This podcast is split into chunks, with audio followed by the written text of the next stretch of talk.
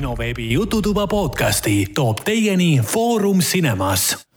tere tulemast äh, kuulama kinoveebi Jututuba, see on meie saja kaheksateistkümnes saade. minuga koos saates, nagu ikka, on äh, Raiko. vaikus. miks vaikus on? kus Raiko on?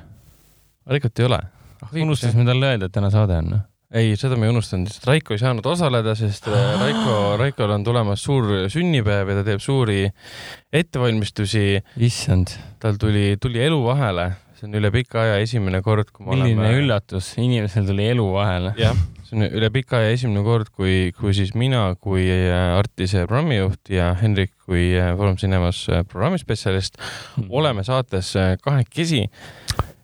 veits, veits kõhe on. oleks võinud Heleni kutsuda, keegi selle peale tulnud muidugi. Oh well. see, see on see mental sticky note, järgmine kord kutsu Helen, kui Raiko ei tulla, tulla ei saa. ja, ja, aga ma, ma või, või võime kihla vedada, et järgmine kord Raikol on rääkida väga palju siin Kiired ja veased üheksast.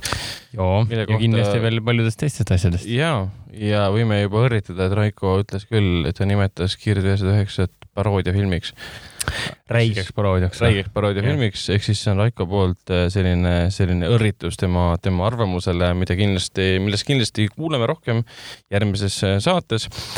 tänases saates äh, räägime filmidest, räägime seriaalidest, räägime kinofilmidest ja räägime nendest muidugi filmidest, mida saab kodus vaadata. ja, ja ega meil kommentaare jälle ei ole, sest kuna meil kuulajate mängu pole, siis ei ole ka kommentaare kinoveebi, kinoveeb.delfi.ee lehel ei ole ka kommentaare jäetud. kui sinna SoundCloudi kommentaare jäetakse, siis seal on need tüübilised bot'id, kes ütlevad sulle awesome track ja siis äh, kirjutavad, et mine, mine sinna lehele ja maksa, et sa, saame sulle viis tuhat kuulajat. vajuta lingile, et saada õnnelikuks. Täpselt, et need saavad minu poolt kohe bänni. aga, aga kui kommentaare ei ole, eks see näitab, et inimesed kuulavad väga, väga tõsimeeli ja, ja ju siis nõustuvad kõige sellega, mis meil öelda on.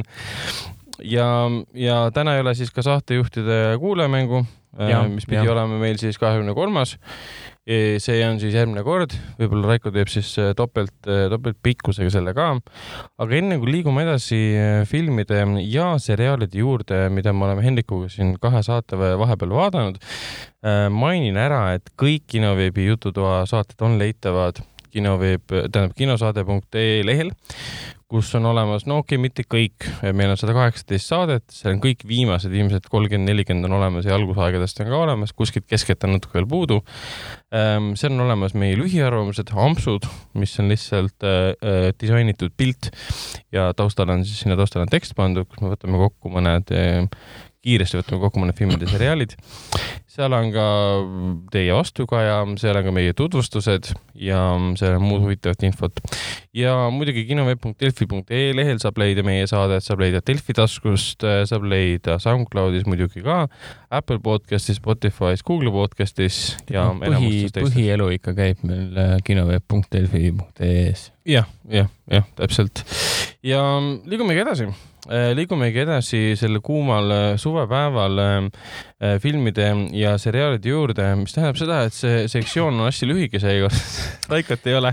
kuulajate mängu või noh, saatejuhtide mängu pole, et Raiko saaks meil jälle puid alla panna. ja Raiko vaadatud filmi ja seriaale pole ka. jah, okei okay, tal on viimastel saadetel küll vähem olnud kui muidu, aga üldjoontes nagu, nagu meie kuulajad teavad kes meid on vähegi rohkem kui kaks korda kuulanud, see teab, et yeah. kui Raiko midagi vaatab, siis ta vaatab ikka siukse raudse pühendumusega aga õnneks on meil ühised, ühised seriaalid, mis me oleme Hendrikuga vaadanud, nendeks on Loki, millest on nüüd neli osa väljas ja Rick and Morty siis viies hooaeg, millest on nüüd kaks osa väljas. et nendest me räägime natukene nüüd hiljem. kõigepealt alustame Hendrikust, kes räägib meile Netflixis olevast seriaalist The Good Place, kus ta on natukene nüüd edasi progresseerunud esimeses hooajas ja räägib meile Ted Lassost, mis on tal ka varsti läbi, mis on nähtav siis Apple TV plussis, mis on ka Eestis ilusti saadaval eestikeelsete subtiitritega. Good Place on iseenesest saadaval ka Eesti Netflixis, aga me ise vaatame seda sealt ähm, TV6-st, et see hakati seal õhtul näitama mm. -hmm. ja noh, Good Place'iga otsustasime, et teeme niimoodi, et kord üks, üks osa päevas nii-öelda. et las ta olla see taustaseriaal, nagu vanasti oli meil Big Bang Theory ja mm. mingid muud asjad, et me oleme siis teinud nii-öelda pausi äh, mina ja minu, minu, minu, minu kallis kaasa nii-öelda koos Titega.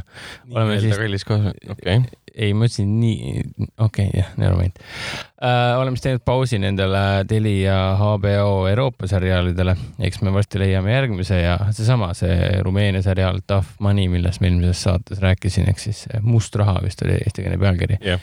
et seda me vaatame kindlasti edasi ja kindlasti leiame ka mõni uut, aga vahepeal on lihtsalt äh, olnud niisugune tunne, et võiks midagi lihtsamat, lihtsamat närida olla. aga Good Place, äh, jah, Good Place'iga on see teema, et ta palju mul nüüd vaadata on, on vist mingi neli osa või viis osa ainult viis osa ähm,. jah, et ma vaatasin, tal on päris palju hooaegu, mingi neli-viis hooaega midagi sellist mm. -hmm. Ähm, ei, ta on tore sari, mind täitsa huvitab, kuhu nad nagu esimeses hooajas välja jõuavad. sest kogu Good Place'i eelmises saates ma sellest ei, väga ei rääkinudki vist või? Ei, sa mainisid küll seda, et ta läheb, läheb nagu no, taevasse. Kristjan Bell, Kristjan, Kristjan, Kristjan Bell. see on siis Kristen või? ei, Kristen. Kristen Bell ehk siis. Kristen sulgudes uh, Frozen. Veronika Mars. Veronika Mars Bell. jah, tema tegelane siis ärkab üles ja avastab, et ta on äh, heas kohas et äh, patused lähevad halba kohta ja tema on siis heas kohas ja kogemata muidugi sattunud, sest tegelikult on äh, päriselus oli äh, elu, elusas elus nii-öelda oli täielik tõbras ja hästi lõbusad on need flashback'id tema nii-öelda sellesse aega, kui ta veel elus oli, mitte surnute, surnute riigis nii-öelda. aga mis see tähendab, et ta tõbras oli, kas tema, tema, tema elu oli siis selline, et ta vääris nagu põrgusse minekut? Ei, siin ei ole, vaata siin seda paradiisi ja põrgu kontseptsiooni kui sellist ei olegi otseselt mm. -hmm. siin on pigem niimoodi, et meil on hea koht ja meil on halb koht. ja hea, hea, heasse kohta pääs, pääsevad nagu tavalised inimesed tegelikult äh,. tavalised inimesed, kes teevad oma elus nagu selliseid teistele inimestele nii-öelda isetuid äh, valikuid, noh, mhm. kasvõi väiksed asjad nii-öelda, et kui keegi vajab abi ja siis sa lähed appi ja, ja sa ei oota mingit vastuteenet ja nii edasi mm. -hmm. ja noh, põrgu on või noh, see paha koht on ka olemas, et esimeses osas äh, tahtis Kristjan Pelli tegelane teada saada, mis seal ähm, halvas kohas siis toimub äh, ja siis ähm, assistent, kelle nime sa ütlesid, siis ta ilmub ootamatult välja igal ajal, ütled tema nime, siis ilmub välja. ja siis ta, tema käest saab kõike küsida ja siis ta küsiski, et äh, kuule, saad sa meile lasta heli, et mis seal äh, halvas kohas siis toimub ja siis loomulikult oli see hästi põrgulik karjumine seal. okei, okei, loogiline. selles mõttes on see paradiisi põrgu teema seal olemas, aga, aga midagi ingellikku või paradiisile omast selles sarjas nagu üldse ei ole lihtsalt mingisugune veits nagu Jehova tunnistajate nendes äh, Vahi, levi vahitornides, vahitornides ja, ja kõik mis teine oli? see vist, ma ei mäleta enam. üks oli vahitorniga ta. igatahes ja, ja Jehova tunnistajate vahitornides on samamoodi, kus inimesed elavad seal loomade keskel ja, ja kuskil. kõik naeravad lõpmatult. jah, et kõik on nagu kuskil Itaalia, Lõuna-Itaaliasse kuskil puhkusele läinud mere äärde ja kõik naeratavad kogu aeg, et natukene on see Place äh, samamoodi, aga no Place on iseenesest satiir ikkagi, et ta teeb mm. kõvasti nalja selle üle, et mis tähendab olla hea inimene ja miks me siin üldse oleme. aga noh, kogu esimese hooaja problemaatika siis seisnebki selles, et hakkavad juhtuma halvad asjad tänu sellele, et äh, mitte mitte eh, heasse kohta mitte tegelikult määratud inimene, see on, on sinna kogemata sattunud ja viienda osa seisuga siiamaani ei tea. miks ta, miks see viga läbi läks üldse? kas Pixari, Pixari Soul äh, võttis sealt nagu eeskuju, et tema Souli stsenaariumi kirjutada? no tead, see ei ole nii originaalne idee, et siin on palju selliseid selleteemalisi asju olnud, et sa oled kuskil ruumis ja sulle öeldakse, et see on, äh, see on hea koht. ja siis tuleb välja sünged saladused. süngeid saladusi veel siin Good Place'is ei ole aga ta on, jah, ta on see Michael Shuri seriaal uh, Office ja Parks and Recreation. Mm.. Uh, natuke häirib see, et ta on uh,, noh, iga osa lahkab erinevaid tegelasi, ta on komöödiaseriaal ikkagi, lahkab tegelasi uh,, noh, isegi saab palju nalja, aga no ta on väga niisugune klassikalises vormis nagu kirjutatud ja lavastatud, et, et, et iga osa lõpus on äh, suuremat sorti mingi konks või niisugune, niisugune cliffhanger ka, et sa kindlasti edasi vaataksid ja, ja ta nagu meenutab sellist eh, ikkagi siukest mingi off, office'id või noh, office'id ikka kontorit meenutab, nagu kontori mingi situatsioonikoomika on ikkagi siin täiesti olemas.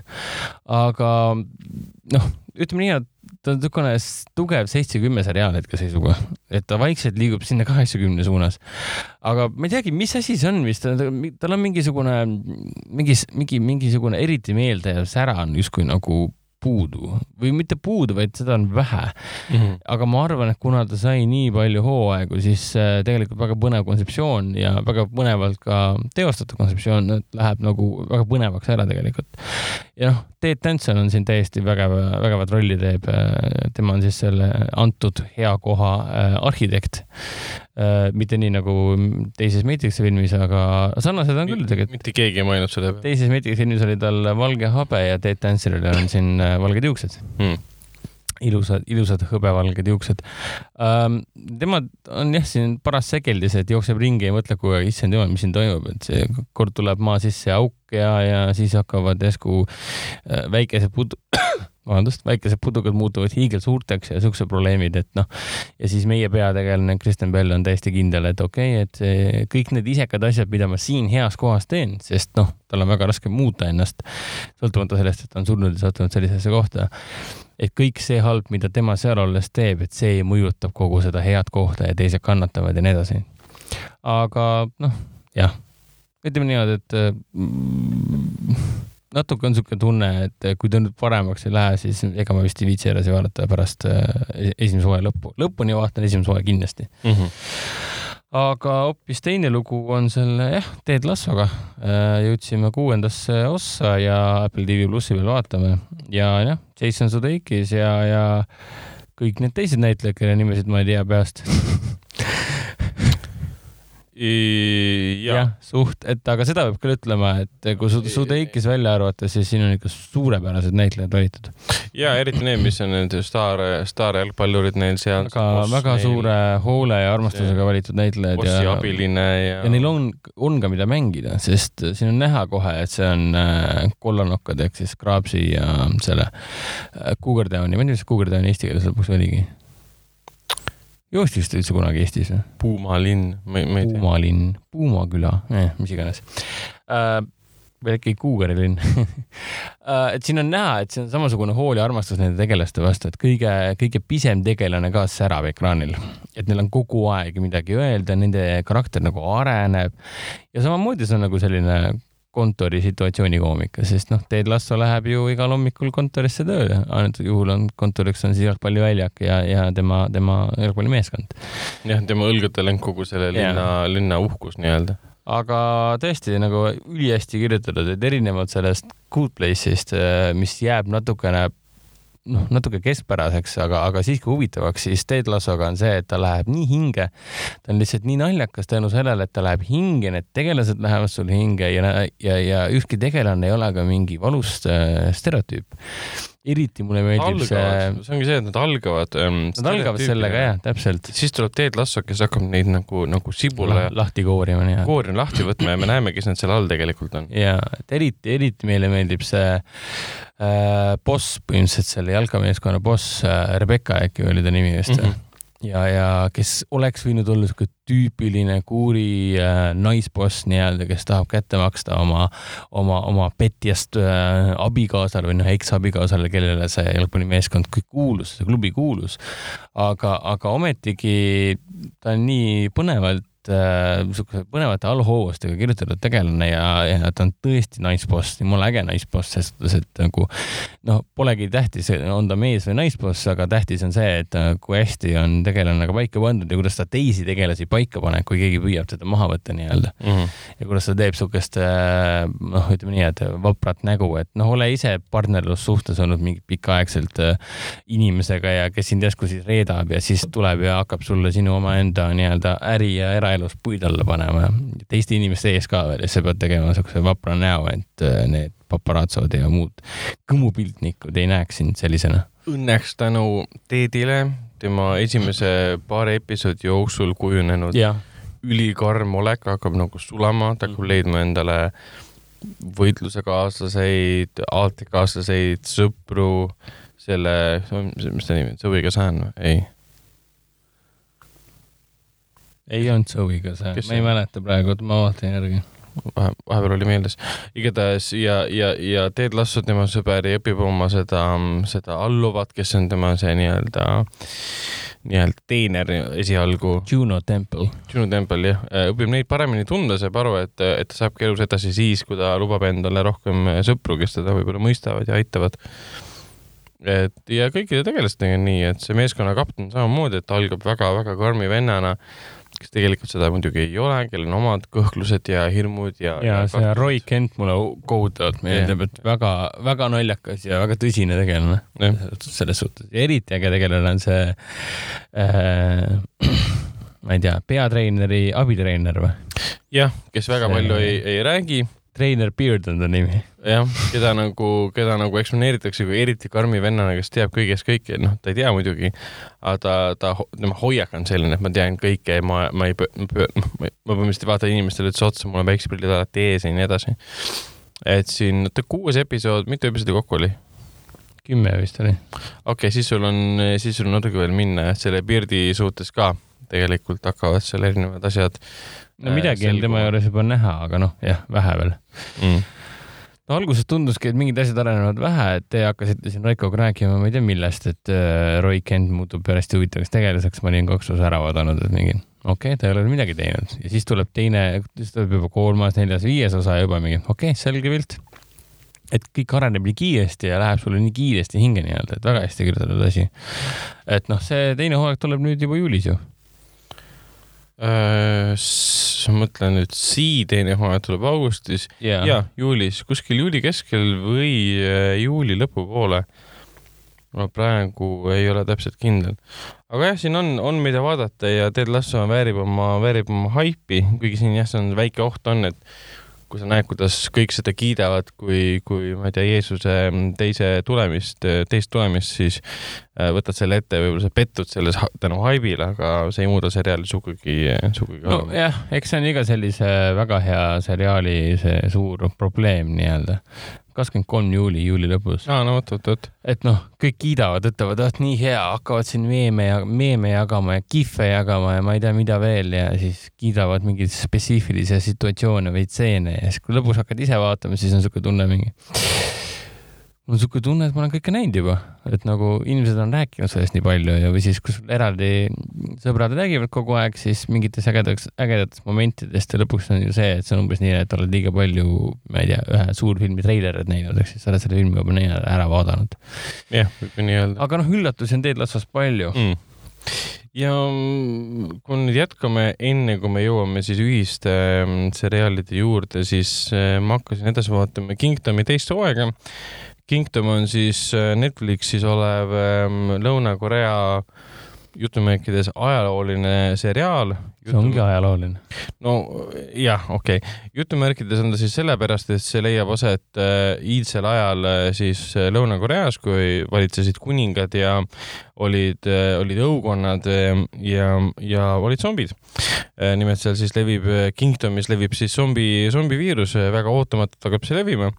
ja kui esimeses hooajas, esimeses hooajas oli väga põnev ja hea hooaeg oli see tõesti ja, ja, ja väga palju ei olegi filme ja seriaale olnud sel teemal, kui me läheme kaugesse mine, minevikku ja seal on zombid, üks, üks Lõuna-Korea film on ka olemas, kus on zombid äh,, mis on ka sellel ajal. tänapäevaliku zombid, zombi action'it Lõuna-Koreast on iseenesest nagu palju. jah, ei, seda küll, seda küll ja, ja ajaloolisi filme action'iga on ka palju, aga just need zombid on kokku pandud. ja muidugi see seriaal ei ole zombidest, see on õukonna võitlusest, see on isadest, poegadest, see on sõpradest, see on armastatusest, armastatutest, see on, see on ähm, jõu, jõuvahetustest ja paleepööretest aga see pole, noh, see võib, võib-olla kõlab nagu ebahuvitavalt, aga see ei ole kindlasti selles, et siin on väga konkreetsed karakterid, kellele sa kaasa elad. ja kogu aeg see müstika on laes ja et kui esimeses hooajas seda müstikat nii palju nagu ei puudutatud, et kust see zombiviirus tuli, kust need zombid nagu sündisid. Ja sest me keskendusime ellujäämisele ja siis teine hooaeg lubab korraks nagu maha, maha istuda ja hakata mõtlema ja seriaal iga episoodiga hakkab sulle vihjama, et kust see zombiviirus tuli, kes või mis oli selle taga, mis see viirus tegelikult on, kas see on tõesti ainult ühe asja pärast või on seal midagi taga veel peidus? väga põnev taust on sellele oh,. see ei ole mingisugune noh, lihtne lahendus, et kust mingi asi on alguses on. mingi tüüpiline zombi värk, et ma ei tea, keegi kuskil tegi mingi surnud venna näiteks, et noh mm, -hmm. siis ta hammustas kedagi ja nüüd on ta patient zero ja vedeleb yeah. kuskil nurgas ja ta tuleb lihtsalt avastada ja jah, temaga juttu rääkida. jah, et kui, esimene hooaeg oli suur-suur ellujäämine, siis teine hooaeg on samuti ellujäämine, aga seal mm -hmm. tulevad need muud jõuvahetused sisse, mis puudutab äh, kuningat ja kuninga järglasi ja eriti seda mm, kuninga siis abikaasat ehk siis kuningannat, kellel oli, kellel on siis laps tulemas, ütleme nii yeah.. ja kõik, mis selle ümber keerleb ja kuidas tegelikult pool sellest rahvast, kes nagu võitleb seal, ütleme, nad on omavahelised sõjad ka muidugi, omavahelised lahingud ja konfliktid, ei tea veel endiselt nendest zombidest sest need zombid on praegu rüüstanud ainult siis nagu talupoegade, lihtinimeste äh, maid ja need, kes on nagu võimukandjad, ei hooli ju neist, nemad hoolivad ainult oma järglastest ja oma vereliini hoidmisest. nojah, see ongi see allegooria põhimõtteliselt äh, nendest, äh, kes sel ajal olid, olid võimul ja siis põhimõtteliselt talupojad yeah.. ja, ja kes neist siis on nii-öelda kergesti kõrvaldatav oma suuremate, ülimate eesmärkide nimel. aga noh sari ise on ikka nii hästi tehtud, on on nii võimas production value. visuaalselt näeb väga hea välja, kõik efektid nagu on tipp-topp. tohutu, tohutu ajalooline seiklus, et ja zombidega ka veel. see ei ole mingi lihtne asi, mida vaadata, ikkagi meeletu. mõned episoodid äh, veel minna et mul ongi nagu mitmed seriaalid nagu pooleli jäänud, et ma vaatangi nad nüüd vaikselt lõpuni, siin The Boys'i ja Blind Manor siiamaani lõpuni on vaatamata ja mõned siuksed asjad. sul on Blind Manor lõpuni vaatamata? ja see on iga minu jaoks kohati, et ilmselt jätsin selle juures pooleli oh,. aga Kingdomi ma ei jätnud pooleli, sellepärast et ma lihtsalt olingi esimese episoodi ära vaadanud ja siis noh, elu läks edasi aga see on tõesti väärt asi, et, et no, siin ei ole ühtegi argumenti, miks ei peaks seda vaatama, välja arvatud siis, kui tõesti zombi on miski, mis, mis, mis ei lase asju nagu tõsiselt võtta, siis võib-olla tõesti. ja teise hooajas see segu, mis puudutab seda zombide õudust, seda zombide hordi, mis maad vallutab, segu siis sellest pluss, mis on nagu žanri troopid põhimõtteliselt, äh, pluss kokku pandud siis õukonna, õukonna dramaatikaga ja konfliktidega ja siis võimuvahetusega, see on väga hästi ähm, selline kokku trageldatud allegooria kõik, sest zombid ei ole seal tegelikult miski muu kui, kui muutusi toovad jõud, äh, mis ongi allegooriliseks jõuks sellele, mis siis tegelikult kuningakojas nagu toimub mm. -hmm. Um, ja mul on mõned asjad minna ja mina olen temast väga-väga vaimustuses ja nüüd, äh, kas see oli sügisel või kuskil augustis? kakskümmend kolm juuli vist oli. ah,, okei okay., tuleb siis välja lisaepisood äh, pärast kahte hooaega. Äh, kaks hooaega on siis juba väljas Netflixis Kingdomil ja Kingdomil tuleb siis lisaepisood, mille nimi oli Ash. Ashin of the North. Ashin of the North, mis tegelasest see räägib, kes see Ashin seal on? No sa ei ole lõpuni jõudnud, sa ei tea veel. okei okay,, igatahes üks tegelane ilmub siis lõpus, teise hooaja lõpus välja, kellest tehti e-, eriepisood, mis yeah. tavapäraselt pikem ka. see on äh, põhimõtteliselt täispikku hinni pikkus, poolteist tundi, tund kolmkümmend kolm, tuleb kakskümmend kolm juuli ja siis noh, selleks peab jah, Kingdomi teise hooaja ikkagi lõpuni vaatama, et okay. aru saada, kellest üldse räägib. jah, ja see ei ole, see ei ole muidugi lõpp, et neil on ka kolmas äh, hooaeg on töös jah, täpselt, see eriepisood ongi nii-öelda see vahepalaks, et niikaua kuni peame kannatama siin, umbes nii nagu selle ähm, Demon, Demon Slayeriga, et noh, saime vahepeal filmi ära vaadata ja siis minna edasi teise hooajaga. jah, jah. see tuleb ka kunagi, nii et. aga jaa, Kingdom on tõesti see on tõesti üks nendest seriaalidest, et, et kui sa seda praegu Netflixi, et Netflixis on tõesti nii võimas, nii hästi tehtud äh, fantaasia, seiklus äh,, õudukas põhimõtteliselt ja kui sa seda ei vaata, see tekitab küsimusi, et miks sul üldse Netflix on siis mm,. jah, täpselt nii ja, ja veel mainiks seda, et meil oli Artises äh, Melanhoolia, Lars von Trieri ähm, nüüd juba kümme aastat vana filmi äh, melanhoolia näitamine eh, kolmekümne viie millimeetrise filmilindi pealt. Väga-väga ehm, hästi õnnestus, palju rahvast oli, meil olid kaks külalist, oli väga pikk vestlus.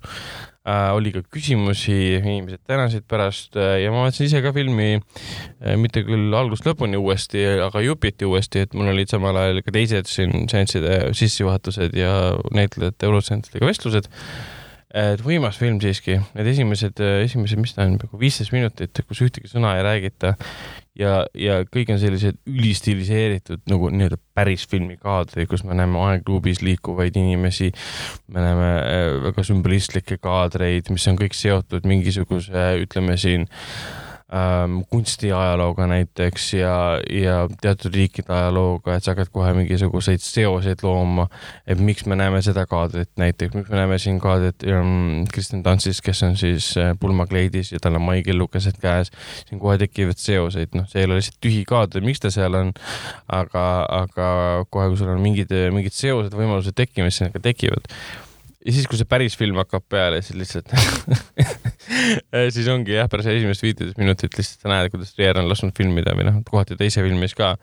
lihtsalt kaamera on käes ja vehib sellega ringi ja ülikiired, ülikiire, ülikiire montaaž, no mitte ülikiire, mitte Hollywoodi mõttes kiire, aga tema mõttes kiire ja siis need, see ülejäänud filmi stiil üldse ei vasta sellele, mis oli filmi alguses, et see ongi nagu raba osa sellest filmist. jah, sest no Antikristuses ju seda erinevust, nii, see erinevus ei olnud niivõrd suur, et see, mis on visuaalne pomm ja see, mis on film ise. kuigi Antikristus oli selle koha pealt ka väga sarnane, film algas yeah. samamoodi. aga ta oli, aga ta oli, oli sarnasem nii-öelda, et yeah. nii suurt kontrasti nagu ei olnud. kuigi noh, slow motion ei olnud, ei ole siin nagu mingi argument, et see on just sarnane kuidagi et see, mida ta teeb Melanhoolia alguses, on kapitaalselt teistsugune. samas see on ju kihvt, vaata kui palju tegelasi siin Melanhoolias tegelikult on. No, kogu aeg on kõik inimesed tegid teiste tegelaste keskel, mis tähendab, et lihtsalt suur grupp näitlejaid ja statiste kõik sai kokku ja kõik hakkasid põhimõtteliselt nagu Trieri äh, juhenduse all hakkasid põhimõtteliselt nagu elamagi nende tegelaste elu ja siis Trier vahepeal mingit, davai, nüüd me hakkame siis dokumentaalstiilis üles võtma kõike seda, mida te siin teete jah, ta tükk aega nagu mõeldis selle nimel, et mis, mis stiilist filmi üles võtma peaks ja ta meelega nagu võitles selle vastu. et tema ei taha filmi teha nii nagu teised, antud juhul teiste all ma pean silmas siis Hollywoodi ja tema operaator ka pidi päris palju ümber harjuma sellega, et Rier suhtles nagu näitlejatega, on siin on see siis Stellan Skarsgård või siis Alexander Skarsgård, Kirsten Dunst ähm, või siis äh, Charlotte Gainsborough äh,, nendega rääkida, et nad improviseeriksid täiesti oma laine põhimõtteliselt ja, ja paradel pidi sellega harjuma, et ootamatult kaamera kätte võtma ja kohe filmima ja kõik töötaks äh,. jah, võimas film ja vestlus oli ka väga huvitav, kes said käia, need said ja jah räägime, räägime Lokist ja räägime Rick and Mortist. Ähm, räägime kõigepealt äh, Lokist. Äh, Lokil on nüüd, äh, Loki on siis muidugi konteksti mõttes Disney äh, uus äh, seriaal. see on siis nüüd äh, kolmas seriaal, mis on nüüd välja tulnud selle aasta jooksul äh, siin kevadest alates kõigepealt oli WandaVision ja siis oli Falcon and the Winter Soldier ja nüüd siis on Loki. kõik on live action seriaalid olnud ja need on ilmselgelt siis tegelastest, kes on olnud ehm, Marveli Cinematic Universe'is. ja muidugi Loki oli neist vahest üks kõige armastatumaid tegelasi Äh, noh, peale võib-olla Paki ja, ja, ja Vision. kuigi see on asi, millest ma pole enne seda, enne Loki seriaali ma ei saanud kunagi aru sellest, et miks Tom Hiddleston on Loki. ma saan, sellepärast ongi. no et on Tom Hiddleston. et miks ta nii armastatud tegelane on, et mitte, mitte tegelane pole armastatud, vähemalt minu silmis, vaid äh, Tom Hiddlestoni äh, näitleja Anne jah, täpselt nii ja, ja Loki siis jällegi tuletame meelde kuulajatele ka, lugu algab sellest hetkest ähm, Avengers või noh, tasujad lõppmängus, kui, kui nad lähevad, peategelased lähevad tagasi minevikku esimese tasujate sündmuste juurde ja segavad seal natukene asju, kus siis Loki, kes parasjagu viiakse ära, me mäletame, kuidas esimene tasujad lõppes mm. -hmm. Thor viis Loki ära et saaks yeah., saaks alata Thor The Dark World teine osa. siin aga Loki põgeneb ära, sest tema kätte satub see Infinity Stone nii-öelda. üks nendest igavikukividest. jah, ja siis, siis äh, ta põgeneb ära ja ta rikub, äh, rikub sellega timeline'i ajaliini, ajaliini., tekitades uue ajaliini. ja siis selgub, et on olemas TVA, see on siis Timeline Variant Agency. Time Variance või mis ta time, on? Time Variance Agency, äh, mis on siis põhimõtteliselt agentuur, mis tegeleb sellega, et ei oleks neid isehakanud inimesi, kes saavad mingi võimu ja kuidagi rikuvad seda, kuidas peaks ajaliin äh, timekeeperite sõnul või, või kindlusel. et on püsima. olemas üks kindel püha ajaliin ja ei ole niisugust asja, vähemalt mitte nende silmis, et, et keegi tuleb ja võtab ja. oma mingi eriti ägeda mingi, mingi spetsrelva, olgu selleks siis igavikukivi või midagi muud.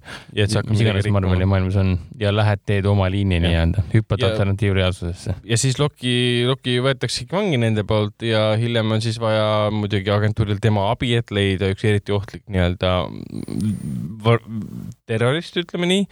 kes rikub siis, rikub siis ajaliine ja. jah, keda keegi kätte kuidagi ei saa, abi on muidugi vaja selleks, et äh, Loki tunneb seda vaenlast hästi et seda vaenlase tüüpi. jah, Loki on, Loki on ainuke neist, kes on võime, võimeline teda kätte saama, selleks on muidugi omaette põhjus aga ja... noh, sari, sari ise äh,, selles mõttes, kui Falcon and the Winter Soldier, ma kuulasin täna seda Beyond the Screenplay podcast'i jälle seal Spotify's ja üks viimastest episoodidest ongi Lokist, äh, esimesest kahest osast.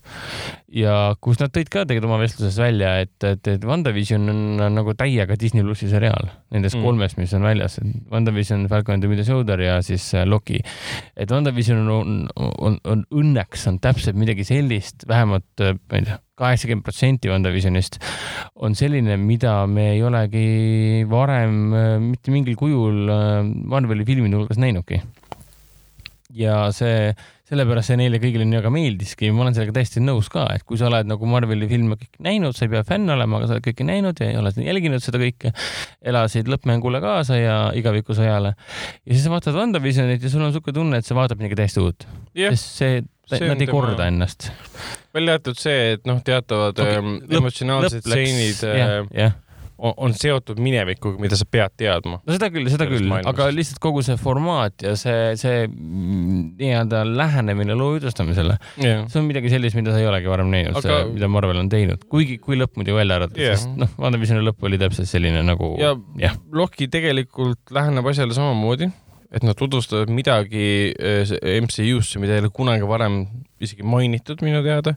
aga ainult, ainult sisuliselt, sest kõik muu, missugune Loki seriaal ise on, siis kõige lähem vaste on ju Thor Ragnarok ja see äh, Guardians of the Galaxy filmid, Galactic Valvurite filmid et ta on, ta on nagu nende kahe vaimus, ehk siis konstantne huumor käib kaasas ka tõsise draama ja seiklusega. kogu aeg on seiklus ja, ja kogu aeg on draama ja, ja mulle meeldis. samas kui Falcon ja Winter Soldier oli nii sarnane, võib-olla see oli üks põhjus, miks mulle eriti ei meeldinud, et äh, ta oli nii sarnane sellele Winter Soldierile ja Civil Warile, et äh, mm. muutus nagu tüütuks, nagu vaataks filmi jälle uuesti. jah yeah aga Loki on jällegi nii teistsugune ja teda on ja. sellepärast tore, tore vaadata ja see neljas osa Läks muidugi täpselt selles, äh, kokku oli ainult kuus episoodi, kui ma ei eksi. jah, oli jah, ainult kuus, aga noh, Disney plussi seriaalid, need ongi kõik Marveli omad hästi lühikesed. et noh ar, arvestades seriaali nagu episoodide arvu, siis oli see neljas osa täiesti loogiline, et just sel hetkel tulid need pöörded sisse ja mis noh, tegelikult on hea, et on kuus episoodi, sest juba esimeses epi episoodis või siis pigem teises episoodis tulid suured pöörded sisse. Ehm, et sul ei ole mingit pikka juurutamist, et me mingi maailma tutvustamist ja karakterite arendamist, siis me tunneme neid tegelasi tegelikult, välja arvatud need uued tegelased. Mm, noh, neljanda, neljanda osa lõpuks ikkagi toimus väga-väga suured arengud. juba ja. teises toimus, teises osas oli ju jubagi, juba põhipaha ka kohtumine. ja kogu kolmas osa oli koos põhi, noh, spoiler, aga noh, jah. nojah, põhimõtteliselt küll. kogu kolmas osa on põhimõtteliselt ainult põhipahast ja aga Loki nagu, Loki nagu eelis on jälle see, et tal on nii palju vabadust, ta ei kasuta seda väga palju küll ära, nii palju vabadust äh, seda MCU maailma nagu muuta ja, ja ja näidata meile midagi muud. edasi arendada yeah. ja täpselt näidata midagi muud ka ja seda nad kindlasti teevad. sest tal ei ole erilisi raame, nad on sõnas mõttes, et nad on väljaspool meie ajaliini, sest nad on nagu kõrgemal selles, ehk siis samal ajal see TVA, see time variance yeah. agency ju jälgib seda ajaliini ja noh, Tom Hiddleston on minu arust oma parimas vormis, kui ta üldse kunagi on olnud, võttes arvesse tema Loki sooritusi. Um, nüüd mulle hakkaski Loki meeldima. Owen Wilson on fantastiline. ja ta on nii äge ja ta on niisugune vanemas eas on ta hoopis niisugune, tema see muhe Owen Wilson, Wilsonilikkus, see mõjub nii hästi siin mm.. ta üldse ei näe vana välja ega midagi jaa, aga noh, natuke on nagu näha, et vuntsid ja juuksed ja kogu see olek on kuidagi selline mm, -hmm, et ta ei ole nagu noor mees, aga ta toimib hästi nagu muhe, muhe mõnus sell. ja need, need pöörded, mis siin tulevad, on ka umbes sellised, et ähm, jah, nüüd ma hakkan nagu vaikselt nägema, juba enne tegelikult teistes seriaalis oli see nagu olemas, et kuidas see kõik mõjutab MCU, MCU filme mm. -hmm. Ehm, selle koha pealt, et noh, need filmid, mis on praegu tulemas, ei ole tegelikult seotud nende seriaalidega Black Widow tuleb välja, see ei ole seotud nende seriaalidega uh,. Eternals... Black Widow on ju, issand jumal uh,, Civil War'i ja Infinity War'i vahepealne osa või? jaa, täpselt, siis nad olid, läksid maapakku, põgenesid ära. jah, nad läksid, põgenesid ära ja, ja. Sokovia Accords ja kõik see ja, ja Eternals ka vist pole otseselt seotud ja WandaVisioniga seostub näiteks siis Doctor Strange kaks ja kui nad teevad kunagi tegelast Lokiga seoses, äkki need, ilmselt Thor neljaga seostub see kuidagi. et ma usun, et kuna Thor nelja stsenaariumit kirjutasid, Thor äh, siis Love and Thunder oli vist, siis äh, see oli ikka koostöös Loki, Loki seriaaliga ka. et siin võivad olla mõned üllatused, kus, kus me saamegi teada, et see Loki, võib-olla mingid seosed luuakse sinna Love and Thunderisse ka sest see Loki, kes meil on, see on nii erinev sellest, kes on nendes filmides.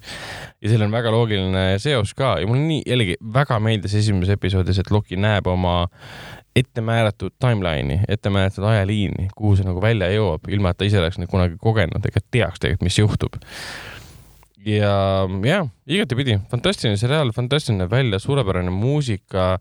Ja eks see muidugi nõuab, et sa oled, pead olema MCU fänn natukene, sa pead olema, isegi mitte fänn, sa pead olema teadlik. Siin peab, tegelikult natuke pead hoolima sellest, mis selles maailmas on toimunud, mis on Lokiga juhtunud.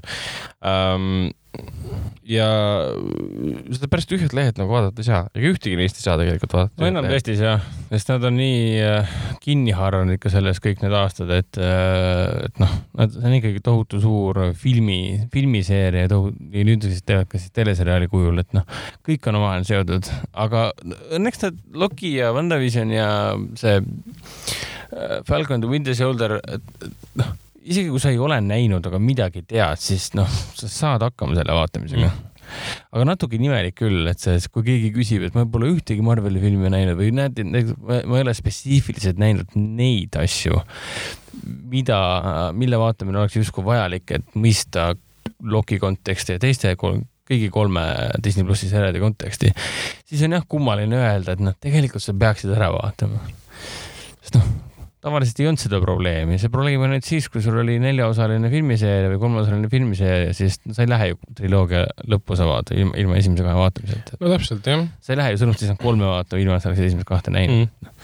aga jah, lõppkokkuvõttes nad on teinud hea taktika sest äh, see esialgne hirm, mis me kunagi arutasime siin, et nad loovad neid seriaale, mis on nii tihedalt seotud filmidega, et sa pead nad ära vaatama, et vaadata filme, et neist aru saada. hetkel seda ei ole need, eh, need filmid, mis on tulemas, äh, Shang-Chi ja kõik see, no Shang-Chi ei seostu mitte kuidagi nende seriaalidega. järgmine seriaal on see What If, mis on see animatsioon ehk siis erinevad versioonid MCU tegelastest um,. see on hea taktika, nad teevad nagu nii-öelda, nii-öelda eraldiseisvaid asju, poolenisti eraldiseisvaid asju. Ja, ja siis me näeme nagu kunagi kaugemas tulevikus võib-olla neid seoseid, et, et see ei muutu nagu selliseks koduseks tööks.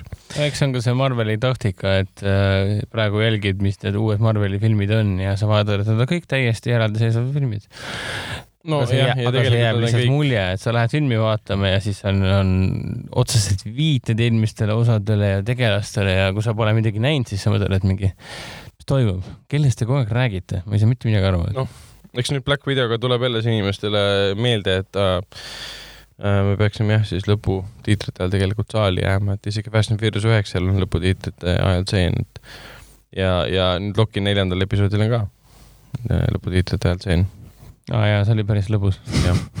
aga räägime Rick and Mortist. Äh, eelmine kord me vist väga ei maininud, Rick and Morty on geniaalne alati igas saates me räägime Rick and Mortist ja ütleme, et see on geniaalne. eelmine kord ma vist ei öelnud, aga see teine osa, viienda hooaja teine osa, püha jumal. ma vaatasin seda kaks korda. esimene kord mul jooksis juhe, kokku. kokku vist kuskil kümne minuti peal, sest ju peame, peame nagu meeles, et see on kahekümne minutiline episood mm. -hmm ja Dan Harmon ja, ja Justin Roiland ja kogu animatsioonimeeskond ja kõik need stsenaristid seal suudavad nii palju sisu panna filmi sisse, see on rohkem sisu kui mõnes täispikas filmis, mis kestab kaks ja pool tundi. et, et, et ja see läheb nii kiiresti mööda sinust et sa peadki nagu kogu aeg järele mõtlema, mis tegelikult praegu toimus. ja seal on selliseid rabavaid pöördeid ka, et see viienda hooaja siis teine episood kaudselt, ma ei taha ka spoilerdada, kuna see on Eesti Netflixis olemas kõik, kaudselt puudutab siis seda, et äh, toob tagasi selle, selle kloonide teema Äh, mis puudutas Betty näiteks siis äh, Riki siis tütart, kes ka eelmises hooajas hakkas mõtlema, oota, kas mina olen ka siis kloon ja siis noh, tuligi välja, tegelikult on kloon. siis tema päris tütar läks kosmosesse oma elu elama, sest ta ei tahtnud selle Cherry ja siis noh, ta ei tahtnud seda igavat elu elada, sest ta sai aru, et ma olen tegelikult Riki tütar mm. -hmm. ma olen tegelikult väga sarnane Rikile, ma olen ka tegelikult hull sadist, aga ma olen ennast nagu ära kodustanud. ma ei tea, mis siit võib välja lugeda. ta on tsiviil, tsiviil jah, siit võib muidugi välja lugeda väga siukseid kummalisi äh, sõnumeid või hoiakuid äh, seriaali tegijate poolt, et naine tahab pääseda oma äh, äh, tsiviilsest elust äh, koduperenaisena. no aga kogu see sari on üks suur äh, pääsemine, eskapism nii-öelda. jah, ja siin tuuakse seesama teema tagasi ja ei, eriti mind rabas see, millega teine episood lõpeb jaa nii palju on juhtunud, nii palju on juhtunud ja siis tuleb teise episoodi, viienda hooaja, Rick and Morty viienda hooaja teise episoodi lõpp ja see teine, teise episoodi lõpp on tegelikult hooaja algus, väike spoiler siis. ja need kaks episoodi ei, ei ole nagu ühe see narratiivi osa tegelikult. no mis mõttes hooaja algus? no mäletad, millega esimene hooaeg lõppes? Võitlus selle Tammiga ja robot, ehm, selle Birdman ja, ja, ja, ja siis eh, teise hooaja lõpus nad lendavad tagasi, aa, see oli hull seiklus.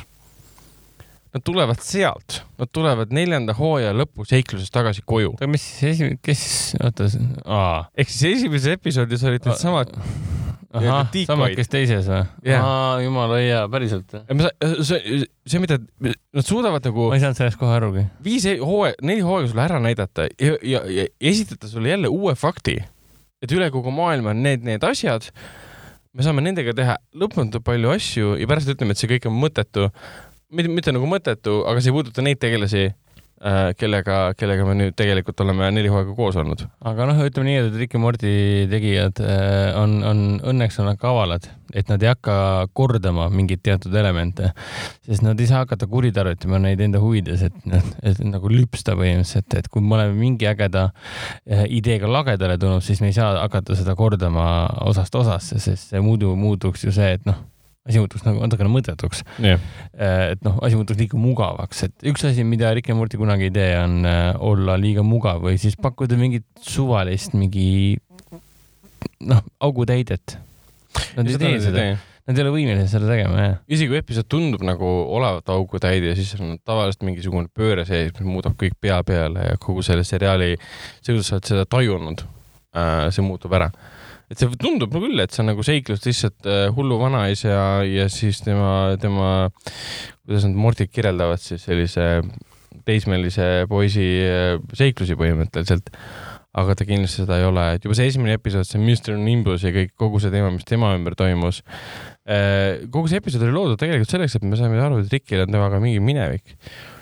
ja meile nagu vihjatakse ja keelati ära, et umbes niimoodi, et ja teises episoodis ka, et ühe, ühe, ühe, ühe hetkel, kui me näeme seda versiooni perekonnast ja Rick hakkab rääkima, ah, ma ta, hakkan teile rääkima siis loo sellest, et kuidas äh,, kuidas äh,, kuidas Betty emaga mingi lugu, teema oli. Ja see lõigati kohe ära, liiguti edasi, et see seriaal nagu väldib neid isiklikke lugusid, ta väldib liigselt avamaks isiklikke seoseid tegelaste vahel taustu, ta ei taha muutuda nagu klassikaliseks, sest see tegelikult kohe nagu nüristab ära või siis vähendab salapära.